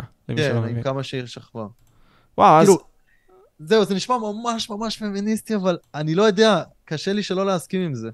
אני, אני, אני חושב שכן, כי בסופו של דבר, אה, דרגת השימוש שלך, נגיד סתם אם המצלמה יורדת עם הזמן, מכונית שמשומשת הרבה מאוד, בעצם נכון. יורד לה הערך. עכשיו, אפשרי להגיד נגיד סתם גברים שגם עושים את זה בסופו של דבר, זה כאילו מוריד מהערך שלהם והכל, אבל פה אין עניין של התחייבות. עכשיו, המפתח. בעניין הביולוגי, אישה בפועל אמורה יותר להתחייב לדברים האלה, למין, כי מבחינתה פרוסס מסוים. אז כשהיא עושה את זה הרבה, זה מוביל לאיזושהי זילות מבחינתה. זהו, זה- בביולוגיה, האישה היא בעצם צריכה להיכנס להיריון פעם אחת, ואז יש לה תשע חודש שהיא לא צריכה לעשות את זה. הגבר בזמן הזה כן יכול לעשות את העניינים, וזה בדיוק, ממש משם זה התחיל, כאילו זה אשכרה ביולוגי, כל הנושא הזה. אישה לא צריכה לעשות את זה הרבה, הגבר יכול. לא בצורה פמיניסטית. לא בצורה פמיניסטית. אז אתה אומר שהעצמה העצמית הזאת, וזה מאוד מעניין אותי, אה, גם אישית, נגיד סתם דיברתי עם הלל, והוא אמר, הלל פרודי, והוא דיבר איתי ואמר לי משהו שהוא מאוד נכון. עצם העובדה שבן אדם לא ניגש לאישה עם כוונות ברורות, הוא בעצם המטרידן. כי אם אתה לא ניגש לאישה עם מטרידן, כאילו, יש גבול לזה, ברור. אם אתה עכשיו בא ואומר כזה, וואלה, בא לי, אה", עכשיו באותו רגע, זה יכול להיות מוזר, אבל זה יותר, יהיה פחות מוזר מאשר שאתה תבוא ותסתכל עליה ותבעה עליה, וזה מוזר מדי. אני מאוד מסכים איתו על זה. כאילו, רגע, לבוא עם uh, כוונות uh, מכוונות ולא לבעוט מהצד? מה זאת אומרת? כאילו אם אני, אה, אוקיי, תתאר לך את זה, יש לך חבר, סבבה, שנגיד אתה מסתובב איתך והכל, והוא רואה מישהי, אוקיי? עכשיו, במקום לבוא ולפנות אליה, הוא רואה אותה כמה פעמים בכמה מקומות, ופשוט מסתכל עליה. רואה את האומנות שבה. ומבחינתי זה וויק, כי אם יש לך כוונות, סתם דוגמה, באמת להזרים או להתענג על אותה אישה, אתה צריך לבוא ולעשות איזשהו משהו בשביל לקדם את זה. אבל אם בסופו של דבר אתה בן אדם מספיק הגיוני, ואתה רואה את עצמך ואתה אומר לעצמך, רגע, היא תשע, אני שש, אז אתה יכול להבין גם שאתה לא יכול לגשת אליה עד שלא תתקן את הסיטואציה הזאת ותהפוך להיות התשע. בדיוק, אז שווה לך לנסות, זאת הכוונה. כי כשאני קיבלתי את הלא שלי מהאנשים, הבנתי בעצם, אוקיי, אני צריך לעבוד בשביל לקבל את הכן. זאת הכוונה. כן, אבל גם, זה משהו גם שאנדרו טט אמר, ברגע שאתה מצליח להשיג את התשע כשאתה שש, זה ייגמר מאוד מהר, כי אתה יודע, זה... בסופו של דבר נקלטים הדברים האלה, וזה גם, כמו שנקרא, הדבר הזה ש... Don't give a chance to an ugly guy, או שאיך שלא אומרים את זה. בסופו של יום, אם אתה יודע שאתה רוצה להישאר עם האישה הזאת שהיא תשע, אתה צריך להפוך קודם כל את עצמך לאחד כזה, כי מה שאתה, זה מה שאתה משיג, וזה ה-NLP הזה, זה כאילו, מה שאתה, מז... זה מה שאתה מזמן, מי שאתה. נכון. ואם אתה לא באמת כזה. זה יכול להתרחק ולעוף ממך. נכון, ואם אתה מזמן משהו שהוא לא אתה, ורק אתה רוצה, ודיזייר כאילו, ומדמיין אותו, זה לא יצליח. אתה קודם כל צריך להיות הבן אדם שאתה, כאילו, אם אתה מחפש תשע, תהיה תשע, אם אתה רוצה עשר, אתה צריך להפוך להיות עשר. אין ברירה מה אחרת. לעשות. המסר כן. להיות עשר. בכללי, תשמע, בתור מסר אחרון לקהל צופים שלי, שלך בכללי, שצופה בפודקאסט והכל, um, הרבה מאוד אנשים גם אמרו שהיה אחלה והכל. אני אשמח לשמוע מבחינתך, כאילו, איזה מסר היית רוצה לתת לקהל צופים עצמו? מסר לקהל הצופים. המסר הוא ש... וואו, זה, זה יכול להיות עמוק, וזה יכול להיות גם מאוד פשוט. אני חושב שאני אלך על הפשוט, ואני אגיד פשוט ש... תנסו ל... ל... לתמוך בתוכן יותר איכותי, תנסו לשים לב, ואם משהו לא מתאים לכם, אל תשללו אותו מיד, כי יכול להיות שיש לדבר הזה תמונה קצת יותר רחבה, ואוהב אתכם. יאללה, אני אוהב אותך, אחי, ומעריך אותך. גם אני. והיה לנו שיח טוב מאוד פה, ומקווה שאתם גם כן. נהנתם צ'אט. אה, עם כל מי שנשאר פה בכללי, עם זה שיש פה מלא סטרימרים גם שמשדרים תוך כדי, תודה רבה שאתם נכנסתם. יאללה, אני הייתי משה we talk פודקאסט, וזה היה סם מערוץ סם רויאל, והיינו פה. וגם סם קלובסקי, והיינו פה. ביי. יאללה. אחי, וואלה היה טוב.